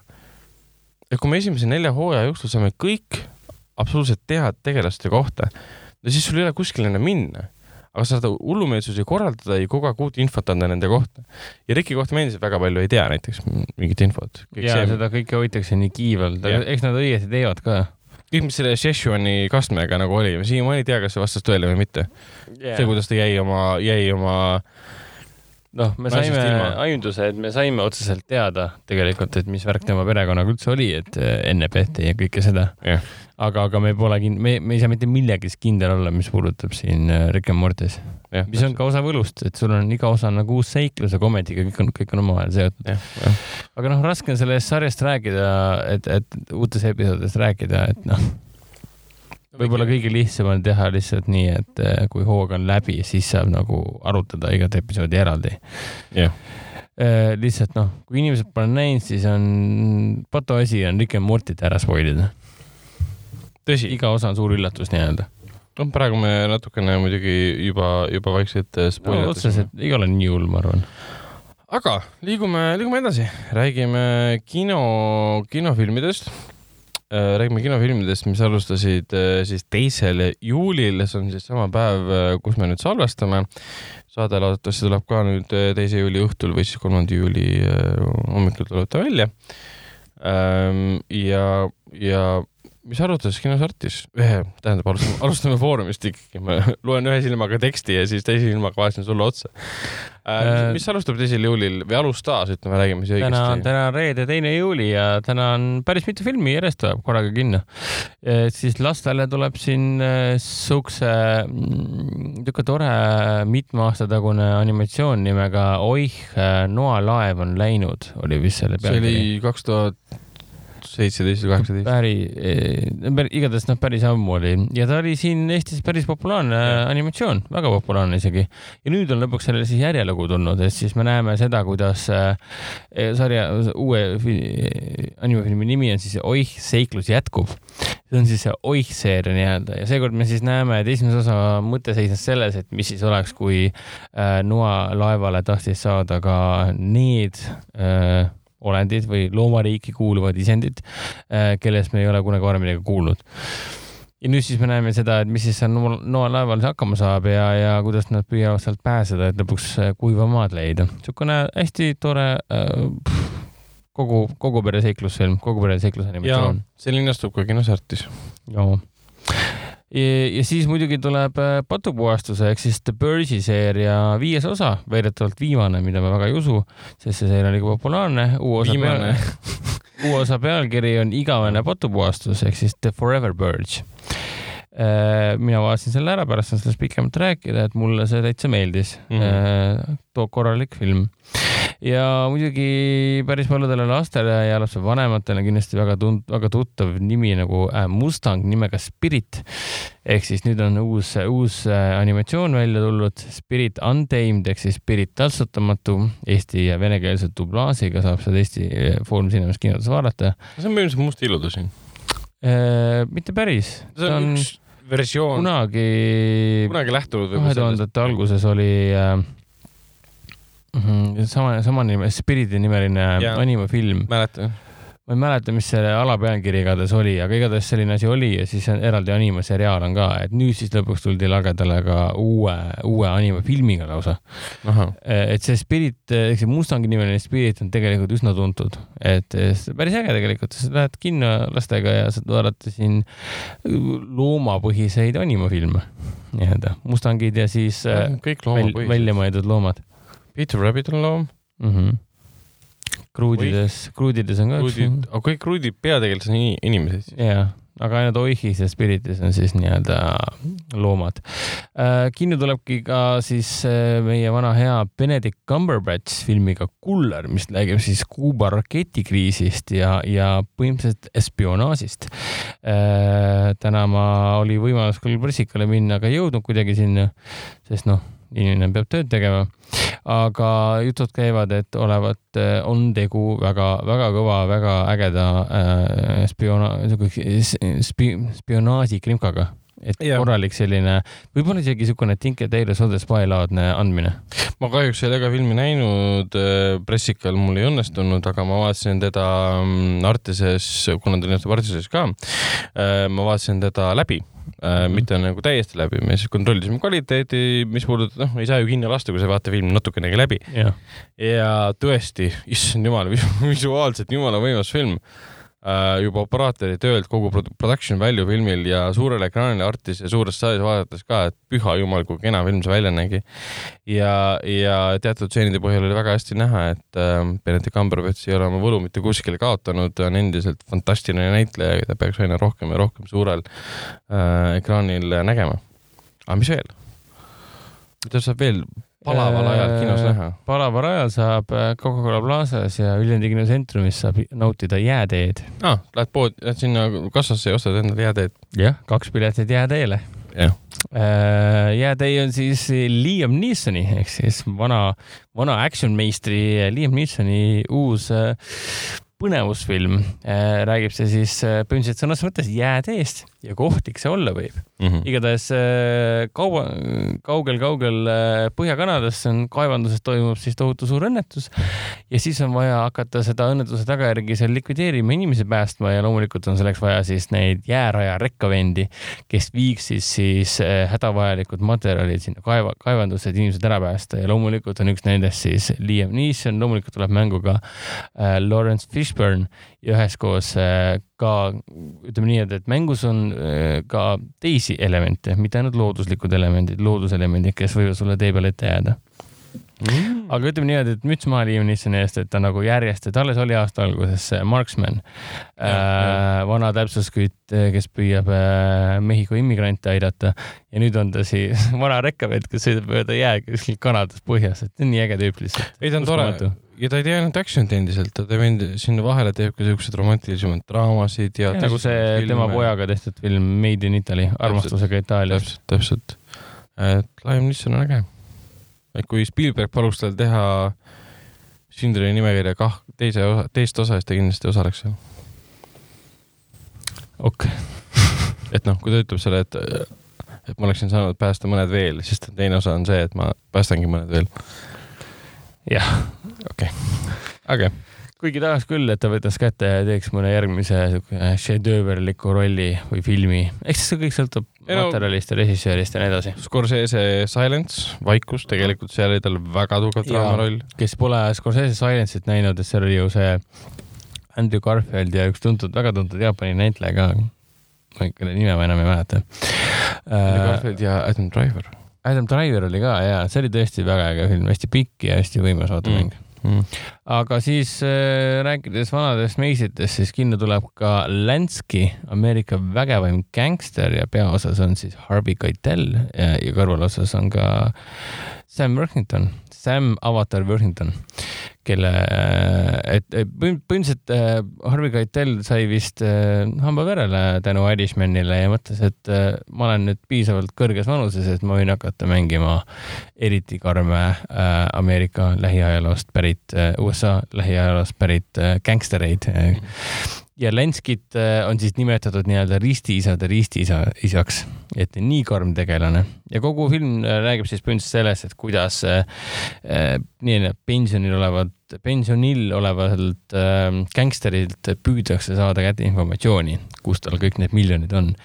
sisuliselt natuke meenutab. Seal oli ka ju. üritati vanalt äh, De Nirolt kätte saada infot nende. ja, ja pluss see meenutab ka Capone'i Tom Hardiga ah,. see oli ka samamoodi, et agendid püüdsid teada saada, kus see vanamees hoiab oma stash'i nii-öelda. eks see on mingi klassikaline lähenemine selliste filmide puhul ka, et äh, sul gängsterid vaatavad oma elule tagasi jah, täpselt ja rääkides äh, inimestest, kes on filmi ajalukku läinud, siis me saame rääkida ka Pierce Brosnanist ehk siis vana hea Bond. kas ta oli kolmes Bondis kokkuvõttes või? Die Another Day. oli viimane. Tomorrow Never Dies. jah, ja enne seda oli ka üks äh,. GoldenEye. jah, täpselt. Pierce oli päris tore Bond ja siiamaani ta teeb oma põnevaid äh, filmirolle tal on siin November Man oli mingi hetk isegi kinodes, ma mäletan. Mamma Mia ja. Mamma Mia ka muidugi ja nüüd ta tuleb kinno siukse suvise action komöödiaga heist movie ehk siis selline röövifilm ehk siis Heidikud on filmi pealkiri ehk siis Misfits ja siin kõrvalosas on ka näiteks Jamie Chung, et põhimõtteliselt on tegemist nii-öelda let's put the band back together, et let's do heist ehk siis on korraldama suure röövi ja oleme samal ajal hästi stiilsed ja ägedad seda ja hästi kavalad ka seda tehes. aga see on Renny Harlini film? Ma tahtsin just sinna jõuda ja filmi lavastajaks on Renny Harlin. see on siis, siis äh, me, mees, kes on tuntud kui, kui Elm Street äh, kolme või kahe lavastajana, täpselt nii. Ühe, ühe osa ta tegi jah, hilisematest episoodidest, aga ei, Renny Hallin on tegelikult ikkagi Die Hard kahe mees. Äh, Cliffhangeri mees äh,, Deep, ikka... Deep Blue Sea sügav sinine meri. legendaarne film, mida kõik meie nooruses mingi Kanal kahe või T3 ja, issand, me vaatasime seda Deep Blue Sea'd ikka nii palju, kus seal oli Thomas Jane äh,, Samuel Jackson, Samuel Jackson ja siis oli LL Cool J. LL Cool J oma papagoiga seal. ja kõik see idee, see oli nagu järg siis nagu Jaws, Jawsile, lõugade mm -hmm. filmidele, et nüüd on meil üliarenenud haid. pluss ta ju tegelikult, äh, tegelikult on siin äh, vahepeal Hiinas olnud pikalt, ta lavastas seal kolm filmi, ühe suurejoonelise seiklusfilmi ähm, ja ta on muidugi ajalukku läinud ka sellega, et ta ju lavastas äh, Kõrilõikete saare äh,. Cutthroat Island, Island ja Gina Davisega. Gina Davis ja Modine vist. jah, ja seda filmi muidugi loetakse kõige aegade kõige suuremaks äh, flopiks mm, -hmm. mis, mis tegelikult vist otseselt ei ole, et neid äh, ääri-veeri sarnaseid floppe on veel olnud. no ta oli ikkagi megaflop, et Oh, see oli veel piraadi seiklusfilm enne, jaa, enne, see enne Kariibi piraate kümme. aastat enne vist või rohkem äh,, enne kui esimesed Kariibi mere piraatid tulid. üheksakümmend viis tuli see Katrat Island välja. aa, okei okay,, siis mingi kuus aastat või seitse aastat um,. ja, ja, ja Cutthroat Island põhimõtteliselt viis stuudiopankrotti, Carolco Pictures um,. ta ei teeninud mitte midagi tagasi uh,, aga Renny Harlini karjääri see muidugi takistanud, tema tegi filme edasi, et tal on nii, nii mitu filmi ju, ju juba, juba mm, Sylvester Stallone'iga, nagu sa mainisid, on see Cliffhanger ja tal on see Driven um,. lege režissöör ikkagi, sa ja, kes ei mäleta, siis tegemist on soomlasega, täpselt meie enda naabriga. ja pärast seda, kui ta Hiinas oli filme teinud, ta tuli tagasi Soome, võttis vastu mille uh,? ta teeb Soome klassi kokkutuleku kolmandat filmi ehk siis Die Hard kahe ja Hollywoodi ajaloo suurima flopi ja Elm Streeti filmi režissöör uh, teeb järgmist klassi kokkutulekut. ja, ja ta tegelikult on väga suurte, suurte näitlejatega ikkagi koostööd teinud, enne kui ta, oh ja, ja, ja, ja. enne kui ta edasi läks, et ta siin ju äh, Exorcist Be- Beginningu lavastas ka ju. ta, see oli siis, kui kahe aasta jooksul tuli välja kaks erinevat äh, Exorcisti äh, pre- prequel'i, jah, mida ühte loetakse Mm. päris prequel'iks, mida teist mitte. ja Renny Harlin oma on siis jah, eellugu esimesele. jah, ja siin ta tegi ju igasuguse Kristen Slateriga ja. Morgan Freemani käisid läbi. Mindhunteri tegi näiteks, Mindhunters kaks tuhat neli. mäletad seda vist või?. Kuskil saare peal said kokku mingid, läksid treenima ja, siis ja üks hästi palju Hollywoodi filme, The Long Kiss, Good Night, Samuel Jah, Jacksoni jah, ja. Gina Davisega, et nagu väga tuntud tegija, ta vahepeal on lihtsalt natuke midagi muud asja teinud. mm.. Aga rohkem ei tulegi, järgmine nädal veel uusi asju, aga sellest natuke räägime hiljem. Ma kordan üle, et Artises äh, saab näha samamoodi Benedict Cumberbatchi äh, äh, luure, sõjaluurefilmi, külma sõja aegset filmi Kuller ähm,. samamoodi saab näha, näha Oih, seiklus jätkub, lõbus animatsioon loomakestega ja siis on ka kaks sellist filmi, mida ei saa näha Foorumis kinodes. üheks neist on ähm, Kohatu kepp ehk meeletu, meeletu porno. kuidas palun? kohatu kepp ehk meeletu porno okei okay., tema inglisekeelne pealkiri oli, oota, Looney Porn, oota ma vaatan ah,. Looney Porn eh, or Good Luck Banging ähm, mis. asi see on? see on film, see on Ru- Rumeenia ja mitme teise mm, riigi koostööfilm. see võitis nüüd aasta alguse poole Berliini filmifestivalil ka äh, oota, see on niipidi, Bad Luck, Bad Luck Banging or Looney Porn ähm,. ja äh, Berliini filmifestivalil ta võitis ka, võitis ka siis parima filmi auhinna. see on Rumeenia režissööri äh, Radu Juude uus äh, film, see on, kui ma ei eksi, tema kolmas või siis neljas film ja lugu on tegelikult lihtne, sul on Rumeenia linna siis üks õpetaja, kelle koduvideo, kus ta oma kaaslasega, kaaslasega seksib, lekib internetti ja kõik näevad seda. Näevad tema õpilased, näevad tema töökaaslased, näevad linna ametnikud, näevad linna võimuesindajad, usuesindajad, kõik asjad näevad. ja siis ta otsustab narratiivi enda kätte võtta hakkab nende vastu võitlema, kes teda siunavad selle eest, et näe, sina, sa ei olegi korralik kristlik naine, sa oled kõlvatu, sa oled lits ja kõik siuksed asjad. ja tema hakkab selle vastu võitlema.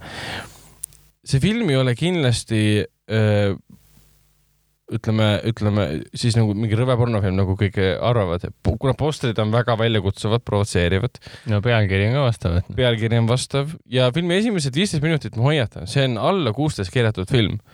Ähm,. ja isegi vanemale publikule ma siin hoiatan tõesti, esimesed viisteist minutit, seal on hardcore äh, amatöörporno, mis on wow. seesama tseen äh,, mida üles filmitakse ja mis lekib.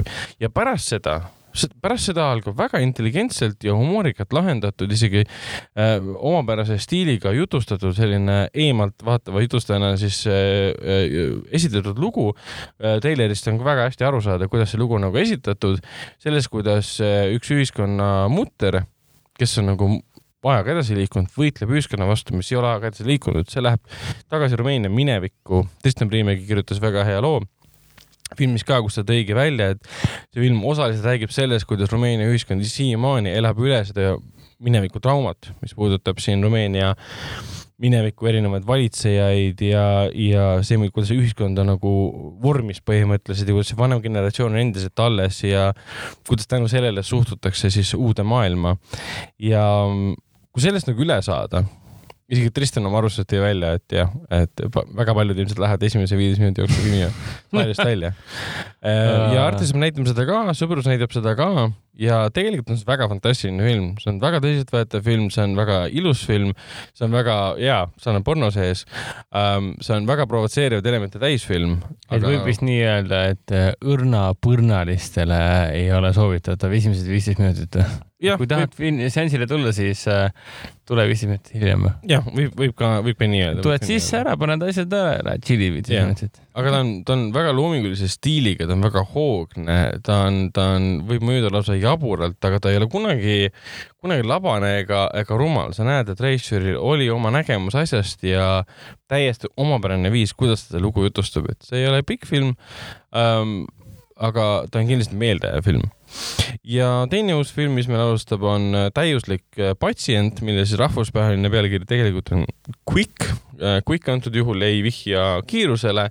Ähm, see on, vihjab Toomas Quickile ja, ja enne kui me jõuame sisu juurde, siis, siis filmi režissöör on Mikael, Mikael Hävström, ähm, keda Hävström. meie, jaa Mikael Hävström, keda me teame näiteks äh, hiljutistest näidetest, näiteks Netflixis oli Outside the Wire, mida Raiko tegi maha.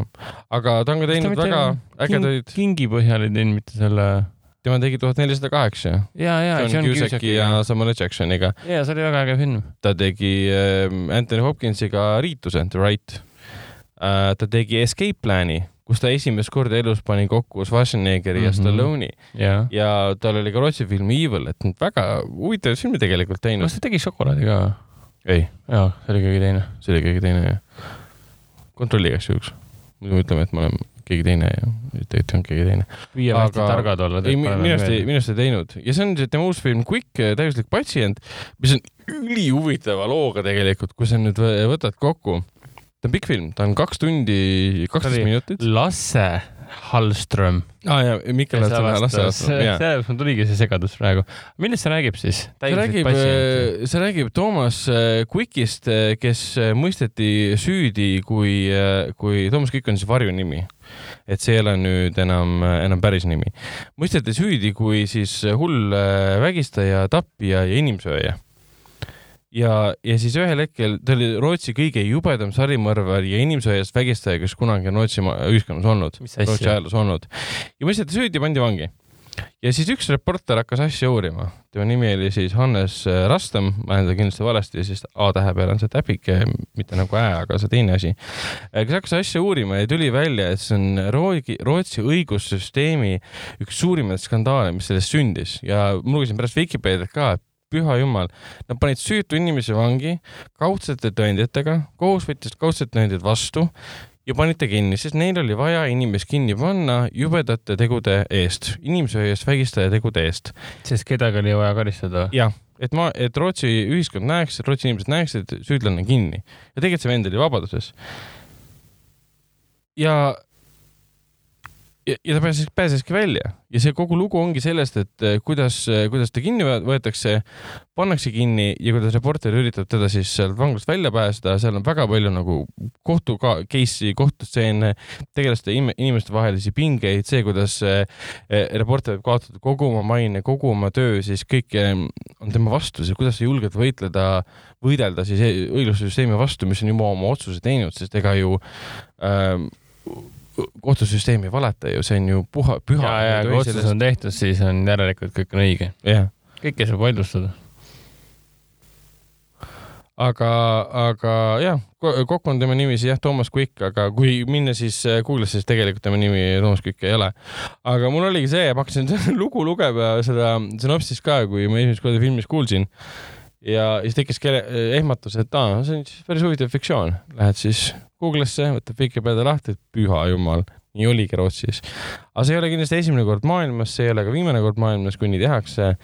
Ähm, ehk sellest on ka veel filme, filme tehtud. aga millest me pikemalt räägime? Äh, me räägime pikemalt ähm, viiendast patupuhastusest. jah, viies osa igavene patupuhastus äh,, neid äh, filme on nüüd kokku viis, need said alguse kõik Ethan Hawke'ist.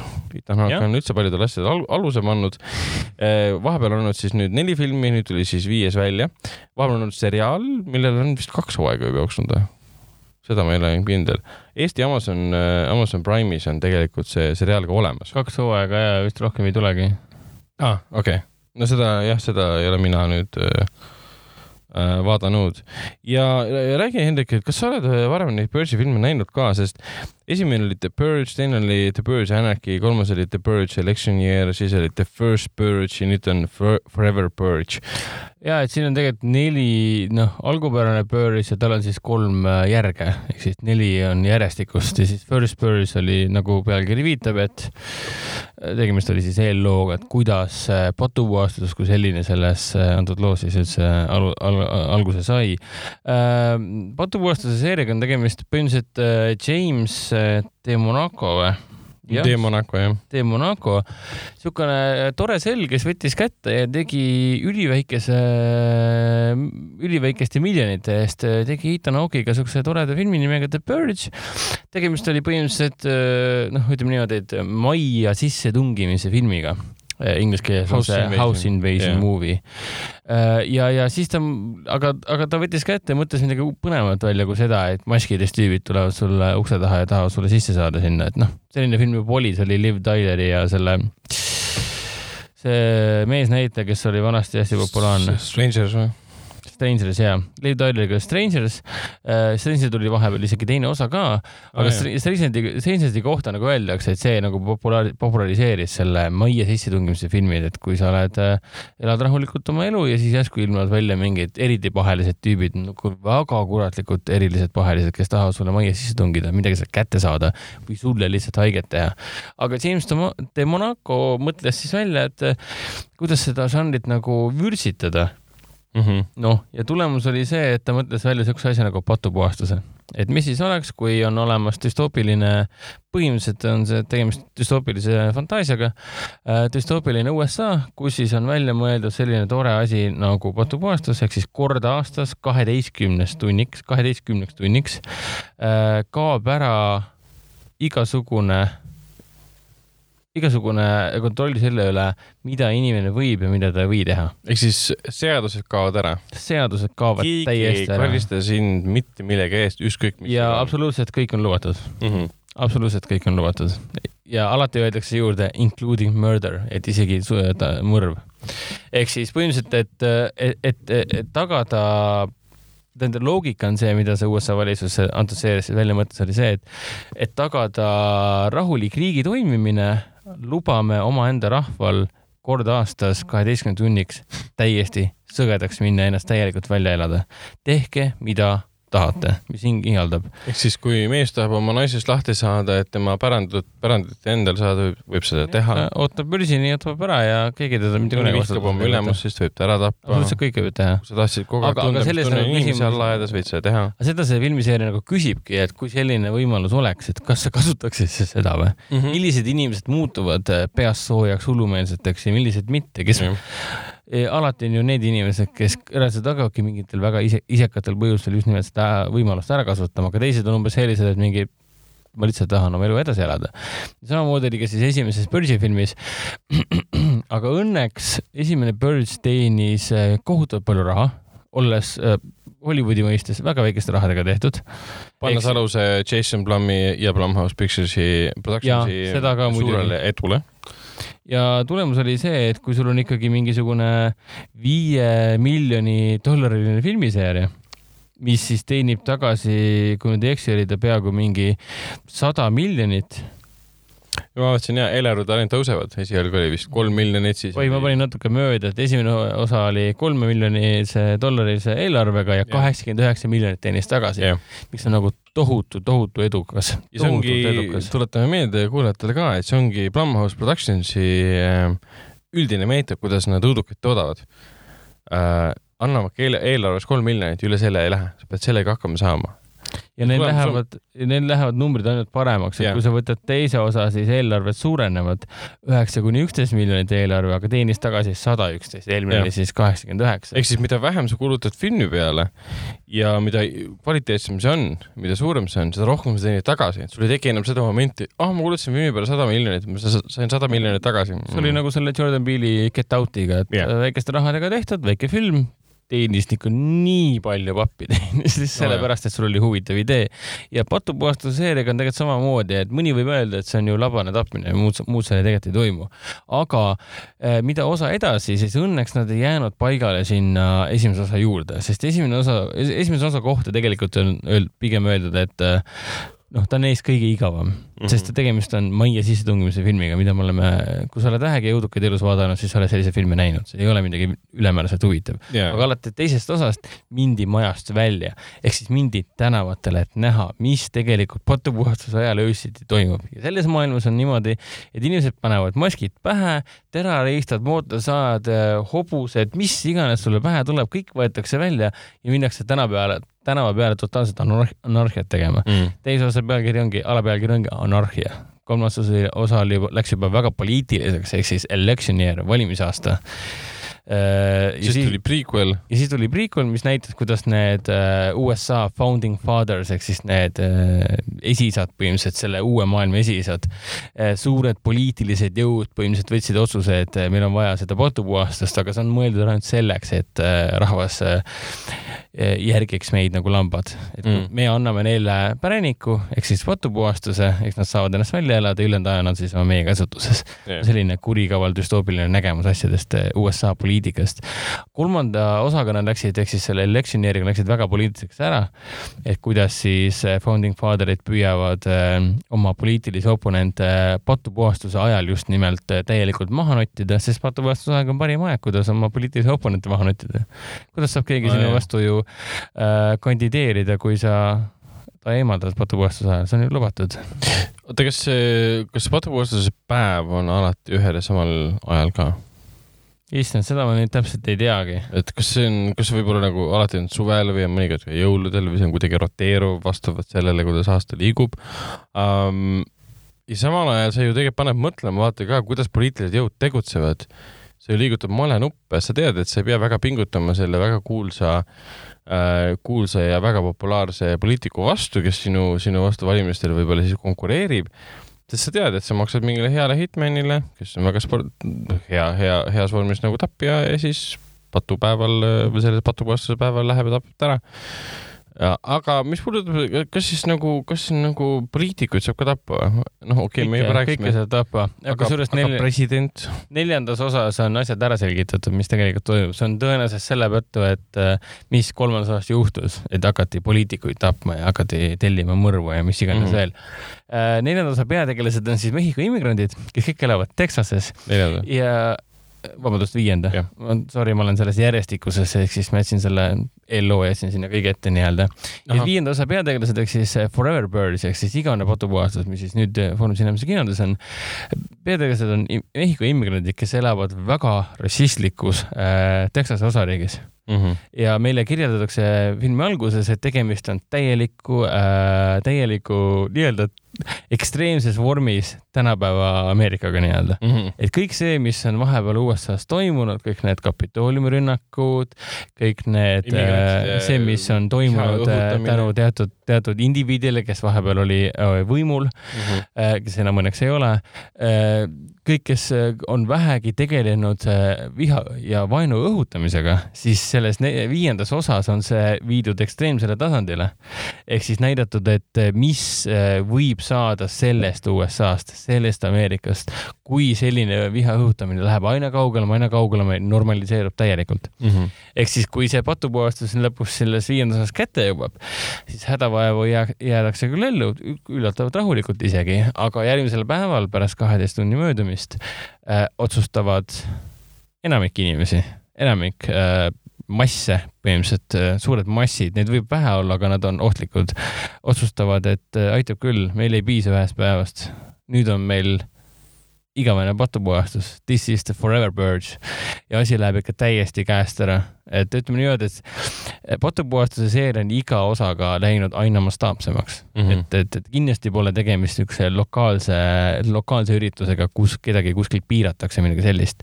et juba teises osas mindi ju tänavale, siis neljandas osa, neljas osa üllatab ikka sellega täiega, et, et et ütleme niimoodi, et kui me räägime igavesest, ma ei tea, ärgas mulje teda sinu jaoks, Ragnar, aga, ja kuulajate jaoks ka, aga kui me räägime igavesest patupuhastusest, siis James de Mona-, de Monaco, kes lavastas kolm esimest osa, ülejäänud on produtseerinud ja kirjutanud mm, -hmm. tema arusaam sellest, et mida võib tähendada üleriigiline, äh, üleosariigiline vägivald, vägivallalaine on väga, väga jõhker ja väga mastaapne. et ütleme niimoodi, et no nad ikka pani korraliku eelarve siia alla, et selle, see nii-öelda nägemus kätte saada.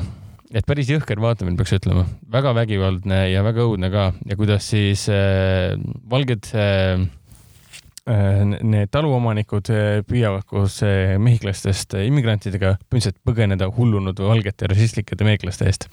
ahah, oota, see film näitab siis, et need põhilised tüübid, kes tahavad, et Forever Purge nagu oleks on asi. valged vihased ameeriklased, kes tahavad Ameerikat tagasi, ehk siis Proud Boys ja kõik siuksed asjad on sisse toodud oh kõik see, mis wow. on hetkeseisuga tänu äh,, tänu, tänu, tänu presidendile, kes enam võimul ei ole, tekkinud võimendatud, mitte tekkinud, vaid võimendatud, on siin alles ja jääbki niisugune tunne, et äh, presidendiks on jätkuvalt äh, Donald Vau, et nad koondavad need tüübid kokku ja nad mm. kõik hakkavad kohama viha ja. ta on ikkagi ja... väga teravalt poliitiline ja väga, väga suskav nii-öelda, aga samal ajal see on näha, et nad ei unusta kordagi ära neid juuri, kust nad pärit on, et siin on, film on täis miskipärast absurdseid äh, äh ootamatuid ehmatuskohti, mis ei ole ehmatuskohadki, aga nad heli ja, ja äh, heliga just nimelt mängitakse need ehmatuskohtadeks, aga nad ei ole mm. seda et päris mitu korda alguses ma küsisin iseenda käest, et miks see hetk praegu üldse vajalik oli, miks te tegite seda praegu mm, -hmm. miks te ehmatate mind sellega, mis ei ole hirmus ei, ei minu ega ka tegelase jaoks. et siin on näha, et sisimas on tegemist ikkagi, ikkagi mõnusa vanakooli siukse slasher filmiga, lihtsalt sul ei ole vastaseks ühte või kahte või ühte suurt perekonda, kes tahab sind kindlasti rappida, vaid nagu tuhanded, kümned tuhanded inimesed, kes on sinu vastu ainult selle tõttu, eh, et, et sul on vale värv, sa ei ole valge. et see on hämmastav, et selline seeria on võtnud lõpuks sellise poliitilise stansi, et see on noh päris, päris äge vaatamine, kuigi siin filmis oli ka, mis puudutab nagu sisulist poolt, siis kui võtta see temaatiline osa maha, siis on nii palju asju, mis mind häirisid, sest nad justkui alustasid teatavate ideedega mm. -hmm. Need ideed on isegi ka treileris äh, välja toodud, aga need ideed nagu kadusid ära või kahtel oli kuidagi see, et see, et põhivastaseks äh, jäi ainult mass kuigi filmi alguses ja filmi lõpus, äh, aga mitte keskel, on olemas ka üksik indiviidid, kes masse juhivad, kui sa saad aru, mis ma mõtlen mm. -hmm. mis on ikkagi kummaline, et kuskil filmi keskel tekkis mul tunne, et, et, et ma juba igatsen sellist, sellist filmi, kus on ikkagi, ma ei tea, mingi kurja äh, pealuu tätoveeringuga musta kaabu ja mustas riietuses hobuse peal äh, ringi kontide klõbisedes ringi jooksev äh, Forever Burger äh,, kes siis juhib masse, et see on ju veidi kummaline, et filmi alguses on see olemas, saad aru, ja filmi lõpus ka, aga keskel ei ole. no eks nad üritasid ikka näidata seda, et ähm,. nad püüavad kuidagi üks inimene on see, kes õhutab ja mass on see, kes tuleb järgi. no täpselt, et siin kohati on nagu näha, et mingisugune identiteedikriis siin on olemas justkui, et mis ta olla tahab, kas sa tahad olla siuke korralik slasher või siis niisugune poliitiline terav satiir. Mm aga pigem midagi sellist teha, kui midagi hambutut selles mõttes, et see ja see ei ole Rambo viis selles suhtes, et Rambo viiel polnud ka otseselt midagi häda, aga tal ei olnud ka otseselt midagi väga öelda. aga, aga sellel Burns viiel ehk siis Forever Burnsil ikkagi on, on, on hambaid, mida näidata, et ma pigem kiidaksin, et ma panin talle IMDB-s küll seitse-kümme, aga nüüd, kui ma sellest räägin, siis ma mõtlen, et äh, see, see on isegi väärt äh, midagi kõrgemat ma ei ole päris kindel. mul on ka see häda, et ma ei ole esimest, teist ega, ega neljandat filmi näinudki, olen ainult kolmandat näinud. Pole mitte ühtegi. ja teises ja kolmandas osas ma vaatasin, et äh, on, on ka kolmanda osa peategelane Frank Grillo nii teises kui ka kolmandas, ehk siis need on ainsad tegelased, ainus tegelane, kes siis kordub teises ja kolmandas. sest Ethan Hawke'i tagasi ei tulnud kordagi enam. ja täpselt Jah., et äh, ma tahaks ikkagi selle sarja ka ette võtta ja et noh, nüüd tänu sellele viiendale osale mul tekkis küll tunne, et äh, viienda osa lõpus oli tunne erinevalt, mõningatest kriitikutest USA-s, kes on juba kirjutanud, et when this franchise will never end, ei jõua ära oodata, millal see jama ära lõpeb, et paljudele üldse ei meeldi. siis mul oli selle viienda osa lõpukohades vaadates tunne, et ahah, ma tahan nüüd järgmist näha. ma, ja tuli, tulime pressilinastelt ära, mõtlesime, et ossa kurat, mis huvitav, huvitavaid stsenaariumeid saaks viiendas osas, kuuendas osas hakata nägema. et mis, mis kuuenda osa pealkiri olla võiks, kui muidu oli Forever Birds, siis, siis nüüd võiks olla Forever Bridge kaks. äh, Bird, The Bird is Forever After või midagi sellist, et noh, The Bridge, The Bridger või The Birdsiest. Bridge'ist, The Bridge, The Bridge'ist and et, Uncut. et minu, minu õuduka, õuduka kihku The Forever Birds kindlasti täitis, tal on teatavaid sisemisi loogikavigu, nagu ma enne mainisin, teatavad klišeed jooksevad seal ringi pea laiali otsas, miskipärast ma ei saa sellest üldse aru, aga üld, üldteemad ja ideed nagu kannavad filmi kenasti lõpuni ära küll ja mis puudutab eelarvet, siis siin on näha, et siin on ikkagi kaheksateist miljonit alla pandud ja asi nagu on päris võimas vaatemäng. aga noh, kaheksateist miljonit pole ka ikkagi nagu palju äh,. noh, selliste filmide kontekstis. et see on huvitav näha, et see seeria ei ole liiga suureks läinud. Mm -hmm. Nad võib-olla on rohkem osanud nagu tehnikat ja tehnoloogiat ja efekte ära kasutada. aga arvestades, et esimene oli kolm miljonit, teine oli kuskil üheksa, üksteist ja siis nad jäi- jäigi kuskile sinna auku nagu seisma. kusjuures see seni viimase filmi äh, produtsent ja tootja, üks tootjafirmadest on ju Michael Bay ja Platinum Tunes ka. aa, ja ta on ka eelmisi, eelmisi aidanud teha. seda ma isegi ei teadnudki, et Platinum Tunes on asja, Tunes on asjaga seotud okei okay.. Aga aa, üks asi, mis ma avastasin, oli see, et selle filmi soundtrack on hea. ja keset silma hakkasin mõtlema, et ahah, selline film ja siis soundtrack on järsku hea või. hakkasin vaatama, kes filmi soundtrack'i tegi ja filmi soundtrack'i loojaks on selline grupeering nagu The Newton Brothers, kes tuleb välja, on kõikide Mike Flanagan, Flanagani projektide muusikaautor The Newton Brothers, ma jaa, et äh, me ju kõik teame, et Mike Flanagani filmide soundtrack'id on ju alati väga meeldejäävad olnud siis. Doctor Sleepile tegi ka, Äh, vist jaa, ma võin kontrollida. täitsa huvitav. jah, Doctor Sleepile tegi ka.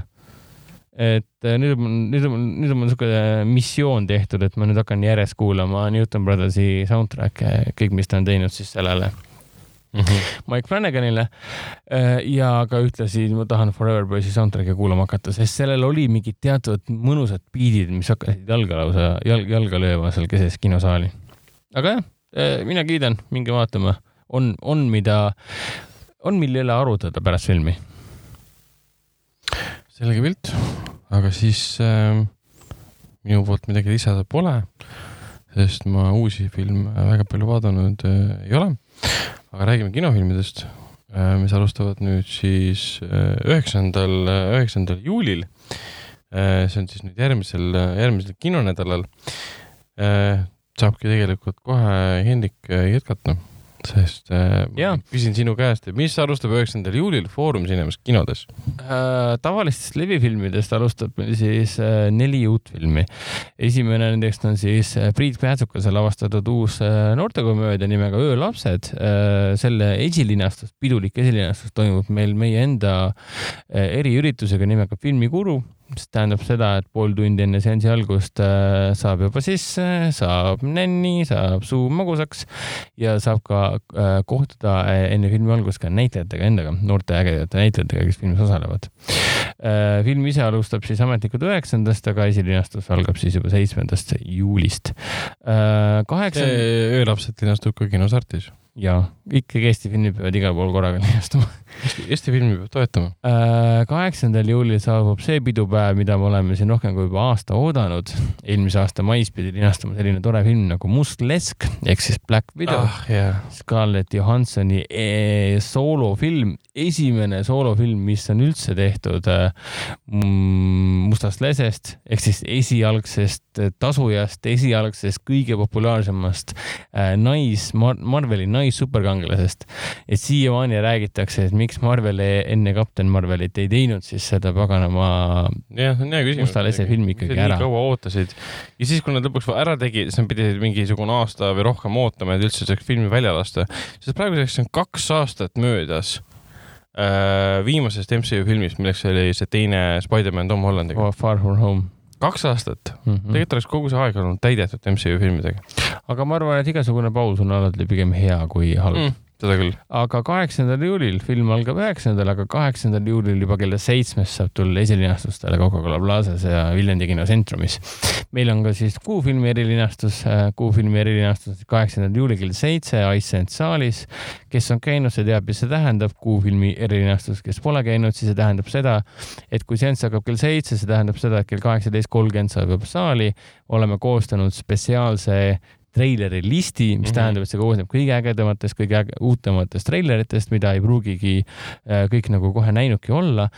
päris palju treilereid ei peagi ju mängima, eriti kui tegemist on, ma ei tea, aasta lõpus paikneva filmiga ja kui praegu, ma ei tea, maikuu näiteks, siis ongi see võimalus kõige värskem kraam ära vaadata.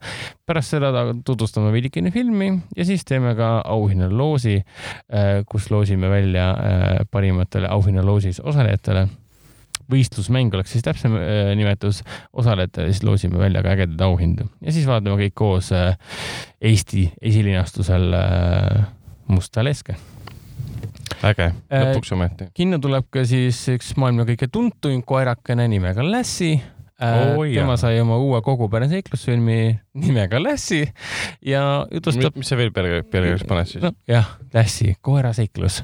aga Lassie't me teame kõik, tegemist on imearmsa koeratüdrukuga ehk siis kollitüdrukuga ja tema imearmsa väikse omanikpoisiga ja neil on alati üks tore ja armas seiklusvaruks. tegemist on siis saksa filmiga, aga tegelikult on see ka dubleeritud eesti ja vene keelde. ilusas eesti keeles saab vaadata väikse armsa koerakese seikluseid, et kes seda ei tahaks. ja, ja Lassi linnastub ka kinos Artis ja samuti linastub Coca-Cola Plazas selline tore vene komöödia nimega Neetud ametnik. ja mida see tähendab, on see seda, et. Äh, ta on sõna otseses mõttes neetud jah, sest, sest, sest see ametnik on täielik suller, ehk siis ta on korruptant põhimõtteliselt. võtab, eh, võtab altkäemaksu. nagu see nali ikka käib eh, Vene ametnike kohta, et kõik võtavad altkäemaksu ja nii edasi. annab pudel viina, saad üle piiri. ja, aga mis siis oleks, kui sulle pannakse needus peale, et sa ei saa altkäemaksu võtta? see, see on umbes sama nagu Jim Carrey, vaata sellest Lion Layeris. jah, sa ei saa valetada. see on umbes sama põhimõttega film äh,. treileri põhjal tundub olevat igatepidi lõbus vaatamine, mida, ma tahaks kindlasti vaatama minna. ja, ta on, kuidas nüüd öelda ta on äh, väga lausa vajalik äh, komöödia, mis nagu irvitab selle üle, kui korrupeerunud tegelikult äh, väga paljud ametnikud olla võivad. üritab nagu näidata, et, et, et ka ametnik on inimene ja võib-olla üritab nagu selgitada, et miks ta on selline, nagu ta selline. ka gängster on inimene. jah, ka gängster, analyze that ja analyze this. mis see teine osa oli, gängster on ikka veel inimene või? jah, jah, vapustavad eestikeelsed pealkirjad. De Niro ja Billy Crystal. Billy Crystal, olid need ikka filmid, peaks uuesti vaatama. see oli omal ajal, ma mäletan, et see oli mingi hull teema oli selle ümber, et eh, kogu aeg treiet, treiti neid seal televisioonis. Need olid suurepärased filmid ka, härrad Rämmise omad mõlemad. aa ah, jaa, Rämis. Rämis oli, äh, oli, on või? kas Rämis on surnud või? härrad Rämis on Harold Rämis. surnud jah. sest ähm, kõik suured hiiglased on juba hakanud lahkuma meie jah, tema lahkus meie hulgas kaks tuhat neliteist. aasta raisk, ammu juba tegelikult sest noh, ta oleks ju, ta oleks ju Ghostbustersi äh, uues filmis ka osalenud, nagu osalevad seal äh, Bill Murray näiteks ju. ja noh, Belushi on ka surnud, et noh. aga rääkides asjadest, mis on vanad, siis kinoklassika ehk siis traditsiooniline Coca-Cola Plazas aset leidev kinoklassika algab taas noh, tegelikult juba on alanud, sest me siin näitasime ära kõik äh, Sõrmuste isanda filmid ja Kääbiku filmid. aga. kuidas teil läks nende Sõrmuste isanda ja Kääbiku filmidega? jäite rahule?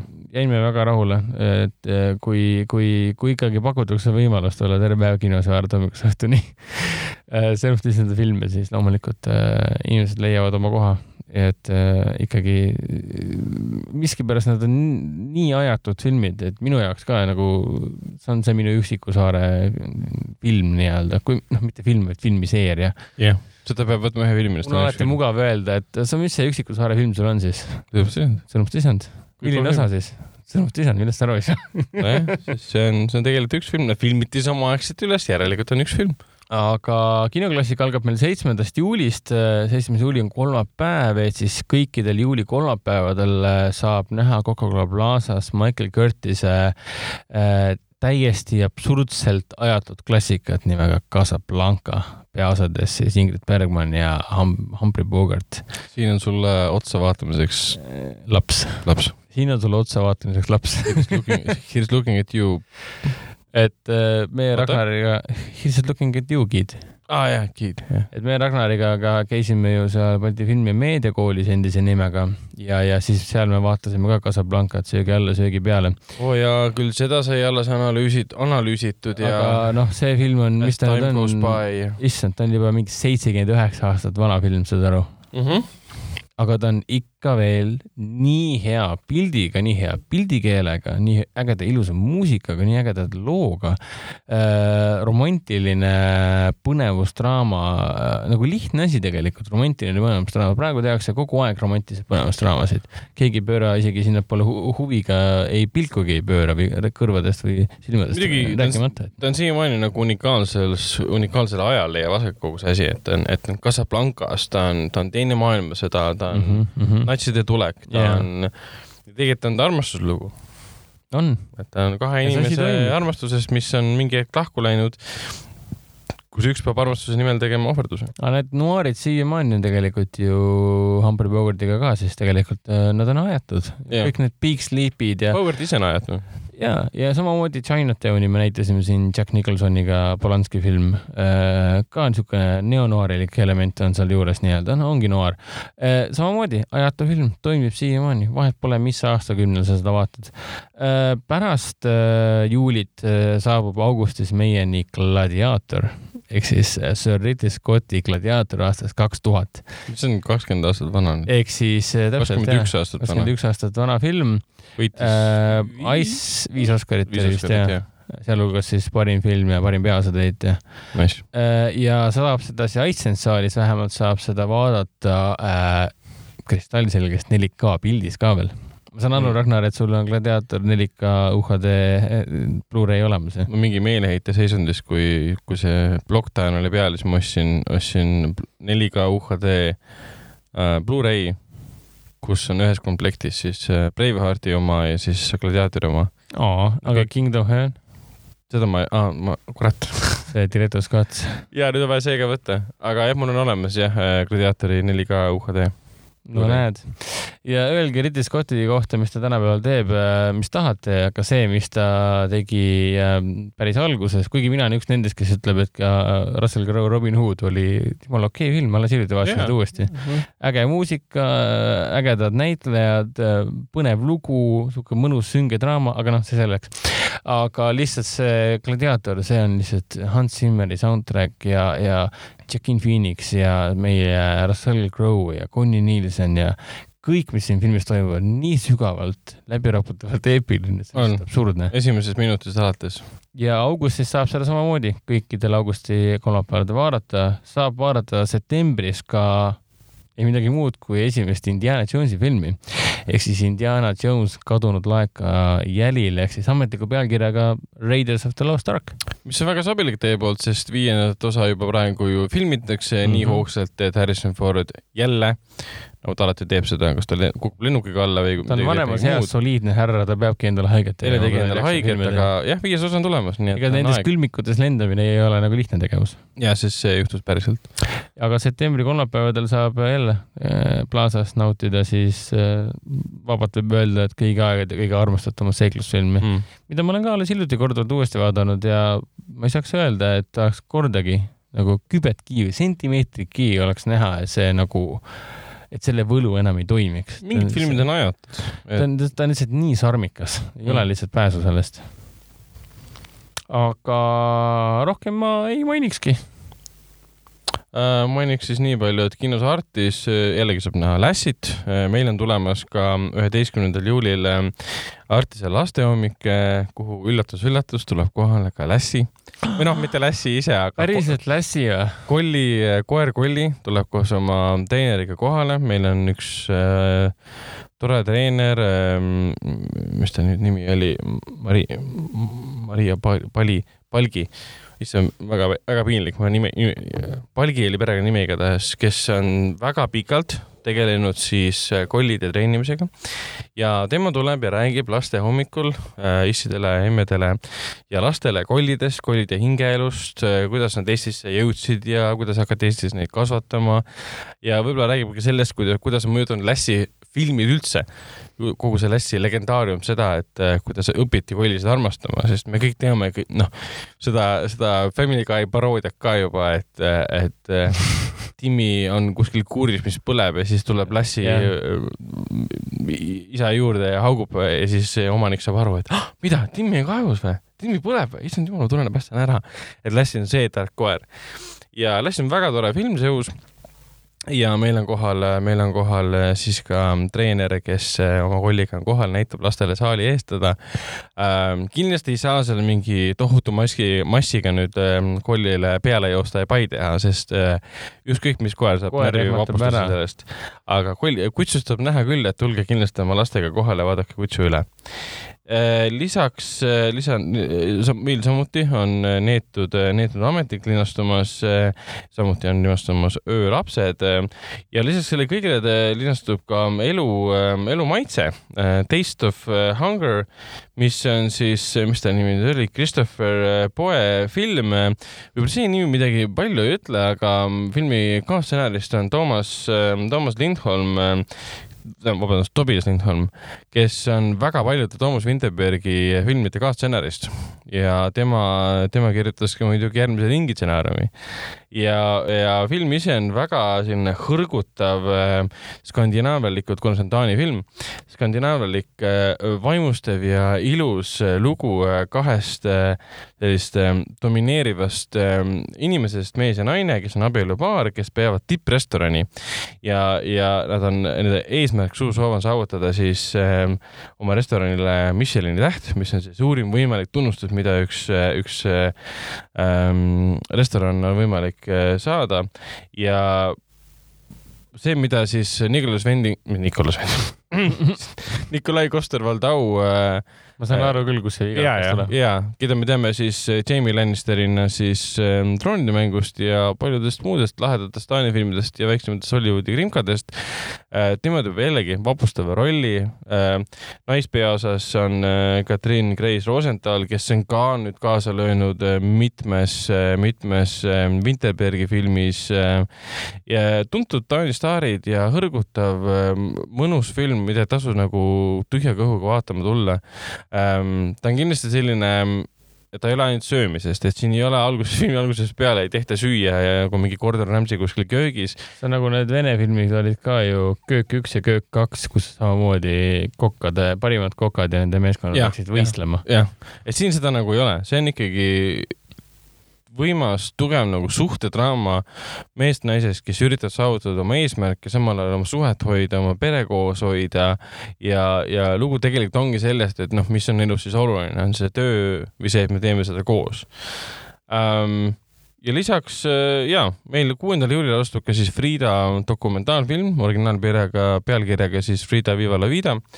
Äh, Frida teeb erilise võib-olla selle, et seal on siis ähm, äh, kuidas nüüd öelda, narratsiooni äh, teeb siis Aasia, Aasia Argento uh,. Äh, film on tund kolmkümmend kaheksa pikk ja võtabki kokku Frida Kahlo, kellest on juba Selma, Salma Hayekiga film valminud äh, mõnekümned aastad tagasi juba tegelikult, võtab kokku tema kunsti, tema elu, kes oli ta naisena, kes oli ta kunstnikuna ja ütleb, vähegi on huvi Frida Kahlo karjääri vastu, inimese vastu, tema ajaloo vastu, tema olulisusest Mehhiko ühiskonnas ja kultuuris. Või, või te juba teate seda tahate midagi muud nagu uut infot saada, siis Frieda dokumentaalfilm on kindlasti, kindlasti teile. meil linnastub ta mm, kümme seanssi alates kuuendast juulist äh,. enamus seansid on õhtustel aegadel, aga, aga on ka mitmeid äh, päevaseid aegu. ja jah meil on tulemas ka Prantsuse rahvuspüha eriseansid, sellepärast et äh, neljateistkümnendal juulil on siis äh, Prantsuse rahvuspüha, millega siis tähistatakse, tähistatakse siis äh, Bastille vallutamise aastapäeva, mis tähistas omakorda siis, tähistab tähendab omakorda siis Prantsuse revolutsiooni algust. ja kui sa oled, viibid Pariisis näiteks neljateistkümnendal juulil, siis on seal täielik hullumaja lahti, kõik paraadid ja raketihävitajad ja mm, reaktiivlennukid lendavad ringi. Ja meie selle puhul toome siis äh, kolm väga erinevat äh, filmi eriseanssidena kinno. Äh, üheks neist on kahe tuhande kolmeteistkümnenda aasta, see on siis kaheteistkümnendal juulil. Prantsuse, tähendab Prantsuse, jah, Prantsuse, aju läks kuskile mujale, Prantsuse komöödia Prantsuse välisminister, mis on küll juba peaaegu kaheksa aastat vana aga ta on äh, sellises komöödia võtmes näidatud, kuidas töötab Prantsuse välisministeerium ja noh, üllatus-üllatus, meile tuleb ka Prantsuse saadik Eestis, ähm, tuleb kohale, juhatab filmi sisse ja pärast seanssi, kui tal selleks loodetavasti aega on, sest äh, sa oled saadik, tal võib olla väga palju erinevaid asju, mis nõuavad tema elus äh, tähelepanu äh,. jääb ta pärast seanssi ka publikuga rääkima, kus inimesed saavad, saavad küsimusi esitada või tema pigem selgitab, et mida te praegu nägite, et kas see on Äh, äh, kas see vastab kõik tõele, sest ega Prantsuse minister filmina ei ole mingi hindeluup, kus keegi poolteist tundi ropendab räigelt, et see on pigem selline leegem äh,, leegem jah le,, leebem versioon äh, poliitikast. ja teine film, mida me näitame, siis äh, samuti Prantsuse komöödia Kustutada, kustutada mälu äh,, mis alustab äh,, alustab meil tegelikult samal nädalal, kui äh,, kui ta linnastub, kuueteistkümnendal juulil ja siis kolmas film on Puhas kirg, mis on selline seksikam film äh, prantsuse naise ja siis Vene diplomaadi äh, vahelisest, äh, vahelisest suhtest mm.. Hendrik läks kohe pöördesse sellest. aga, aga kustut-, tähendab puha, puhta kire kohta ma võin nii palju öelda, et kindlasti väga paljudele ütleb see üks nimi Sergei Polunin, ähm, kes mängib siis, äh, kes mängib siis seda Vene, Vene diplomaati. Äh, minu silmad särama ei löönud, aga enamus inimesed, kellega ma olen rääkinud selles filmis, kõik mingi, aa, Polunin, kus sa kurat, ma pean vaatama tulema. ja sellel filmil on päris palju pileteid juba ette ostetud ka, et äh, ma arvan, et see Polunini nimi on juba see, mis, mis meelitab inimesi. oota, kas Sergei Polunin, ma ju tean seda nime. kust sa tead? balletitantsija. täpselt, ta balletitantsija, jah. jaa ta on tuntud balletitantsija ja ta on teinud äh, mitmeid äh, rolle ka äh,, kus ta just pole saanud väljendada oma balletioskust, aga ütleme, see kuulsus ja tuntus, mis sellega kaasneb. ta mängis selles äh, Rudolf Nurejevi eluloolises filmis Valge vares ka, mis meil siin äh, kaks tuhat üheksateist kevadel jooksis kinodes. see oli see Ralph Fiennes'i film ja see oli Ralph Fiennes'i lavastatud film ja, ja, ja Fiennes ise mängis veel kõrvalosas ka. ja täpselt. ja, ja sellest ma mäletasingi seda nime. väga vinge täpselt ja kolm väga erilist filmi väga,, väga-väga eripalgelist filmi, nagu näha, kõiki ei seosta Prantsuse rahvuspühaga sugugi, et meil on üks film, mis seostub Prantsuse poliitikaga. meil on, meil on teine film, mis on pigem siis Kustutada mälu on satiiri, mis siis pigem vaatleb seda infoühiskonda, kus me elame. ja siis kolmas film on selline seksikam, seksikam draama, aga noh, seal on noh poliitika on nii palju sees, et Vene diplomaat. Ja kolmanda võib-olla järgmise suurema asjana kahekümne kaheksandal juulil on meil siis eh, Eesti filmi õhtu tulemas eh, filmiga Kratt. esimene kord oli Eesti matusega ja teine kord on Krattiga. kohale tuleb filmirežissöör Rasmus Merivoo. Merivoo võtab kaasa kõik lapsnäitlejad. kohale tuleb ka Ivo Uukkivi, nii ta mulle telefonidel lubas.